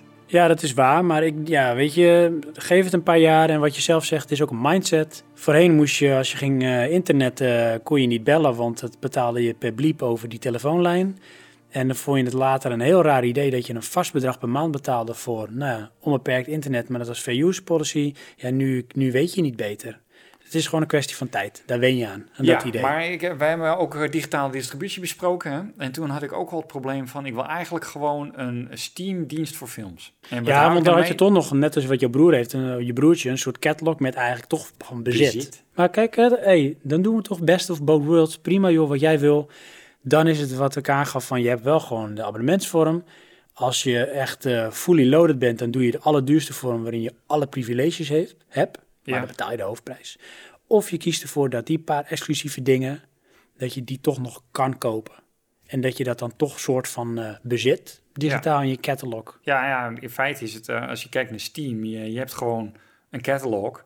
En je moet alleen een device hebben om het te ontsluiten. En je zou ook nog kunnen kijken naar bijvoorbeeld eh, wat Spotify doet. Ja, dat je dus ook, doordat je een bepaald premium model betaalt, je ook offline content hebt. Dus dan heb je bijvoorbeeld al niet het internet eh, als verbinding nodig. Ja, maar dan kom je weer bij het hardware-principe. Ja, dus dan moet je wel ergens moet je het op kunnen wel- opslaan. Maar dan heb je ja. toch een soort semi-bezit. Kijk, dat stopt wel op het moment dat eh, je nu stopt met betalen voor het abonnement. Ja, Maar dat maakt je bijvoorbeeld wel flexibeler om, eh, ja, weet ik veel, op bepaalde omstandigheden te gamen waarbij je geen internet kunt of wilt of mag hebben. ja ik, ik zie dan toch eh, dat eh, verhaal eh, zich ontsluiten puur om het feit dat je die hardware eruit haalt. Ik denk dat dat eh, de grootste verandering gaat worden. Je, koopt het Sony-abonnement. En eh, die hardware, die, die krijg je eigenlijk niet. Je krijgt een kastje om eh te Precies. streamen. Ja, en daar ga je gewoon naartoe, weet je. Want je ziet het ook met de grammofoonplaat. Mensen konden ook moeilijk los van komen. Nu is het iets wat heel nostalgisch is, maar Ja. eigenlijk is het er gewoon niet echt meer op die manier. Ja, weet je, dingen gaan gewoon verdwijnen, net als de V&D. Diep van binnen wil ik eigenlijk altijd nog een beetje een grammofoonplaat, hè? Heb ik Ja, dat mij dat blijft terugkomen, hè. Ja. En het kan, hè. ja, maar weet je wat? Het, het is meer een beetje een soort van zelfbescherming. En dan denk je, ja, dat moet ik niet doen. Dan heb ik weer die shit in mijn boekkast staan. Ja, het is weer troep extra. Ja. Je wil geen bezit. Nee, ik wil Dus af je van moet, je moet gewoon een dienst nemen, afnemen. Ja. Ik wil LP. Ik weet niet hoe je het doet. En dan komt er iemand voor me die LP aanzet. Ja, Ja, en dan neemt hij hem daarna gewoon weer mee. ja, ik ga weer, want ja, het zit erop. Ja, Je hebt het goedkope twee- abonnement. Ja, en dan zit ik dus op mijn abonnementsconsole, zit ik dan de volgende LP te selecteren, weet je wel. Ja, komt iemand weer terug. Wil je nou deze plaat? Ja. En dan terwijl de ene afspeelt, selecteer ik de andere, want dat is wat ik nu altijd doe. Dan heb ik op een gegeven moment vier van die lui in de rij staan die dan constant het ding willen hebben. Of een man met een soort met een muisarm van het steeds wisselen van die Ja. plaat.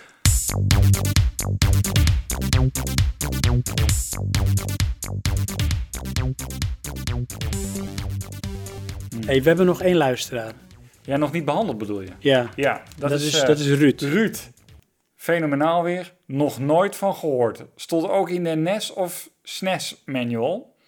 Ik denk dat hij refereert aan het feit dat het bezit eh, niet van jou is en al dus Dynamite. Klopt. Ja, daar refereert hij naar. Dus Ruud, bedankt voor je kort en krachtig pleidooi. Dat gaan we dus nu onderzoeken. We gaan straks richting het afronden van dit hoofdonderwerp. Tijdens het afronden gaan we ook even kijken of het daadwerkelijk in de manual van de GameCube staat dat het bezit van Nintendo blijft. Oké.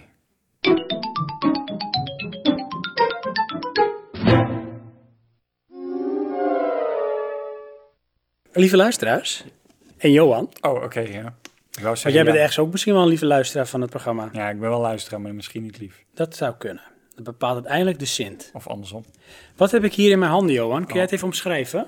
Ehm, Een Metroid Prime Pack van de Gamecube. Mooi hè? Ja, Weet je nog dat ik deze gehaald heb? Eh, ja. We hebben hem nooit uitgespeeld deze Nee, game. dat vond ik dan wel heel jammer. Ik weet ook nog een punt waar wij heel erg vast zaten.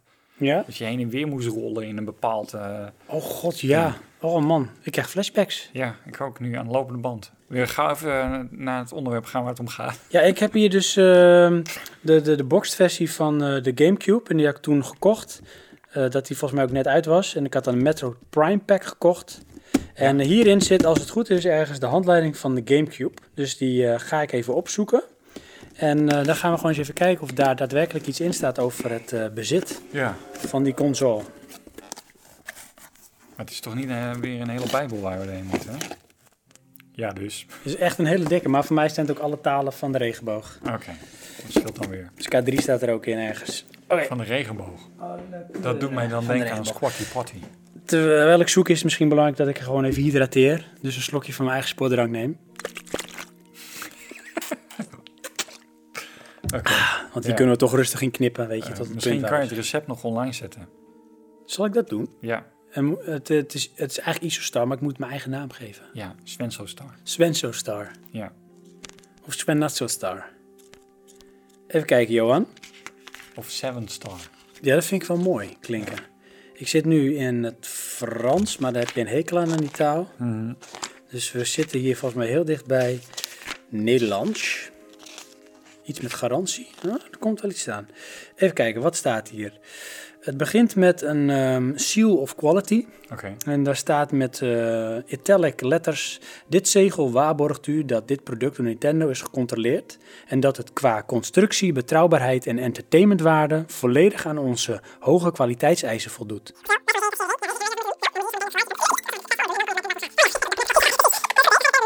Bij daar aan een serienummer te noteren heb ik trouwens niet gedaan. Nee, doe Deed ook dat wel altijd? Nee, ik eh, doe niet aan die Franse shit. Want dat heb je bij de winkel, niet bij de producent. Handleiding beginnen delen met kopen, waarschuwing, let op, opmerking.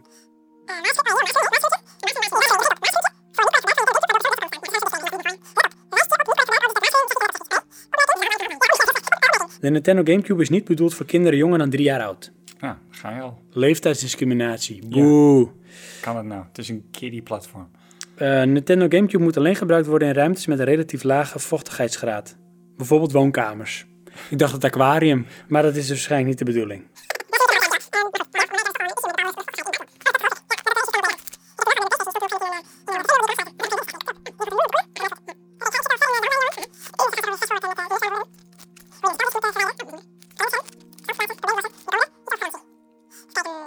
...24 maanden garantie heb je. Zo.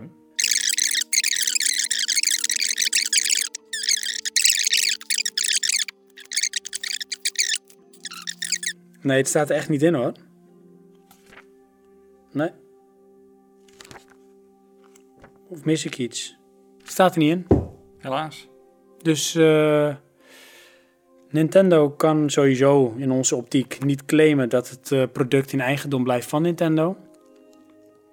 En ik kan het ook niet terugvinden in de handleiding. Dus als iemand van de luisteraars dat toch eh, weet te vinden voor de Gamecube, dan horen we het graag. Misschien Ja. jij zelf, Dynamite. Het kan ook zijn dat het misschien gestopt is naar een Nintendo 64. Dat of misschien een andere versie console. Ja. Kijk, ik kan misschien ergens een. eh, misschien dat het in relatie is met dat er toen nog. eh, eh, hoe heet dat? Cartridges waren en geen CD's. Misschien dat dat meespeelt. I don't know. Geen idee. Oké, Dus, we gaan samenvatten, Johan. Ja. En de conclusie trekken. inderdaad. We hebben heel wat dingen besproken. We hebben even gekeken naar wat voor vormen we eigenlijk onderscheiden van ehm, het eh, zeg maar abonneren op een console. Ja, We hebben de luisteraars daarbij betrokken en we hebben een beeld gevormd. Dus ik ga aan jou de samenvattende vraag stellen. Een console als abonnement, ja of nee? ehm, ja, ik denk ja. Dat gaat gewoon gebeuren. Daar sluit ik mij bij aan. Het gaat gewoon gebeuren. Ja, en eh, ik verwacht eh, best snel. Oké, en hoe snel is best snel? Eh, het zou me niet verbazen als dit letterlijk de laatste generatie consoles is. Interessant. Want- Zou, ja. nee, want Nintendo NX is nog steeds een console. Dat is ja, natuurlijk oké, wel een nou, soort... die komt dan nog, maar goed, Nintendo loopt uit pace met Ja. Xbox en PlayStation. Ja. Ik verwacht dat PlayStation, de PlayStation 4 nog drie jaar ondersteunt minimaal. Helemaal in aanvulling met die VR. Dus misschien dat ze dat oprekken naar acht in totaal dan. Eh, en daarna ehm, ja, zijn we al vier jaar verder als nu, dus dat is een lange tijd.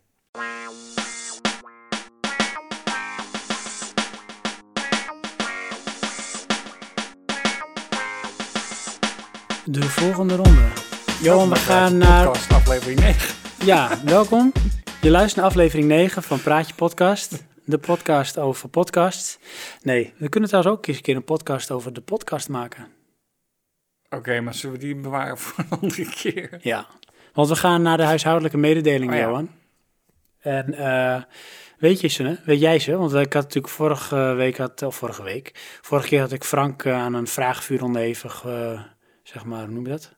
Onderhevig. Onderworpen. onderworpen. Vraagvuur dat onderworpen. had ik aan een vraagvuur onderworpen. Ja. En hij met vlag en wimpel, hè, doorstaan. Dus eigenlijk bedoel je dan onze website?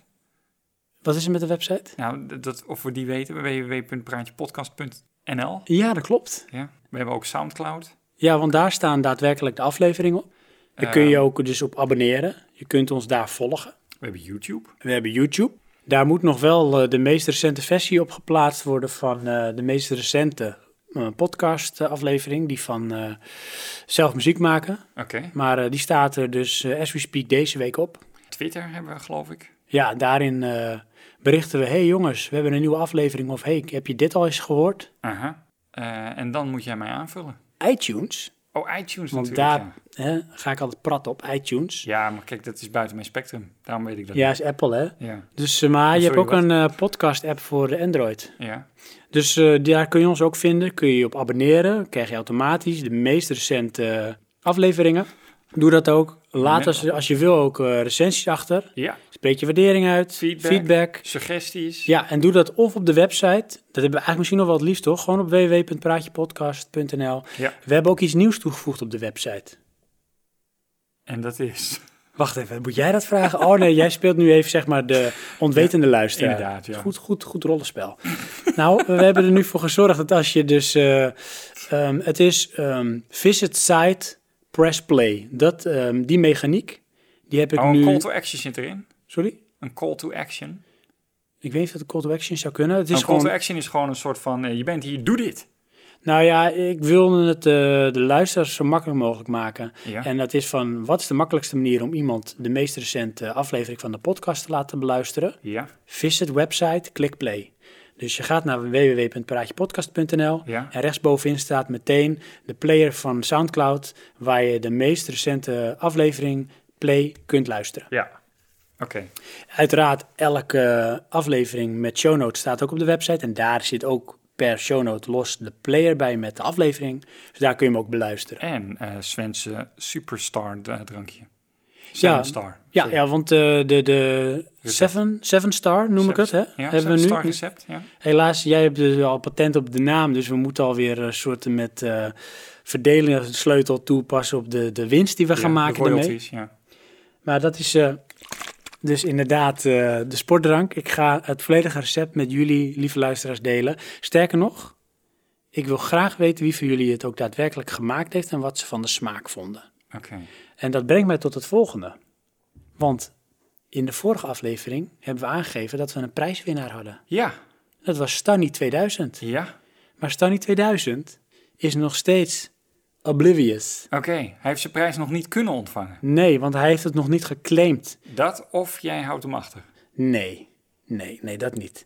Want eh, ik hou Stanny niet achter. Nee, maar wel zijn prijs. Nee, ook niet. ik had namelijk, ik had het, ik dacht, ik dacht dat op de, de, het forum van Buttonbashers, Ja, dat Stanny 2000 zich daaronder bevond. oké. En toen heb ik ook iemand eh, aangesproken van, hé, hey, Gewoon een toevallig forum. 2000, Ja. want ik dacht echt dat die man heet volgens mij ook Stan. Gefeliciteerd en goed gedaan. En toen was het van, hoi, Stan hier. Nou, ik ben echt vereerd, maar ik ben niet Stanny 2000. Dus Oh. eh, nee, ik ga niet ehm, zeg maar met de eer eh, strijken als het niet hoort. Oh. Dus ik ben niet degene die je zoekt. Ja, maar dat was op straat. Ja, die man die vond het ook heel raar. Die wilde gewoon van me af hoor. Dus eh, toen heb ik ook gezegd van, wat flauw van je. Ja. Want je ziet er wel uit als een Stan. Maar ehm, Maar die, ja. nou, dus eh, dat is nog eh, to be. Ja, dus dat is eigenlijk in, ondertussen in derde instantie. Gaan Ja. we proberen hem nog steeds die prijs te geven. En ja, shout-out naar Stanny 2000. weet je, het is natuurlijk ook ergens wel zonde als je een boxed Gamecube met het Metroid Prime pakket gewoon aan je neus voorbij laat gaan. ja, behalve dat je die niet geeft. Absoluut niet. Ik geef even een kusje op. Nee, deze big boxed, eh, deze blijft gewoon lekker in mijn eigen bezit. Ja, Maar we hebben toch wel een mooie prijs voor Stanny. Dus Stanny, eh, hij blijft gewoon van jou, die prijs. hij Dus- klaar. Ja, en dat is, hè, mocht je deze aflevering beluisteren, Stanny 2000, neem even contact met ons op via eh, een mailtje dat je verstuurt naar info.praatjepodcast.nl en dan zorgen we dat jij verenigd wordt met jouw prijs. Dat gezegd hebbende, Johan, Oké, ik dank jou ja, geen dank. voor eh, het aanleveren van zeg maar het onderwerp Aha, en eh, de bevlogen discussie die we hebben gehad. ja.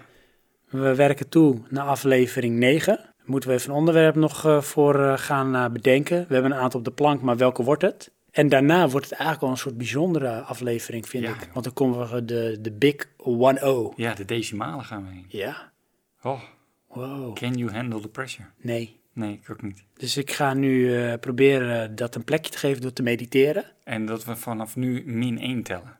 Gaan we terug. Nou, dan hoeven we niet naar de decimalen. Dat is wel makkelijk, ja. Ja, Back and forward. Ja, Hmm. ga ik over nadenken. oké.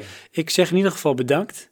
Luisteraars ook bedankt. Zeker de mensen Dynamite, Piers, Gallius en Ruud. Ja, onze trouwe luisteraars en inzenders. Juist, daar doen we het voor.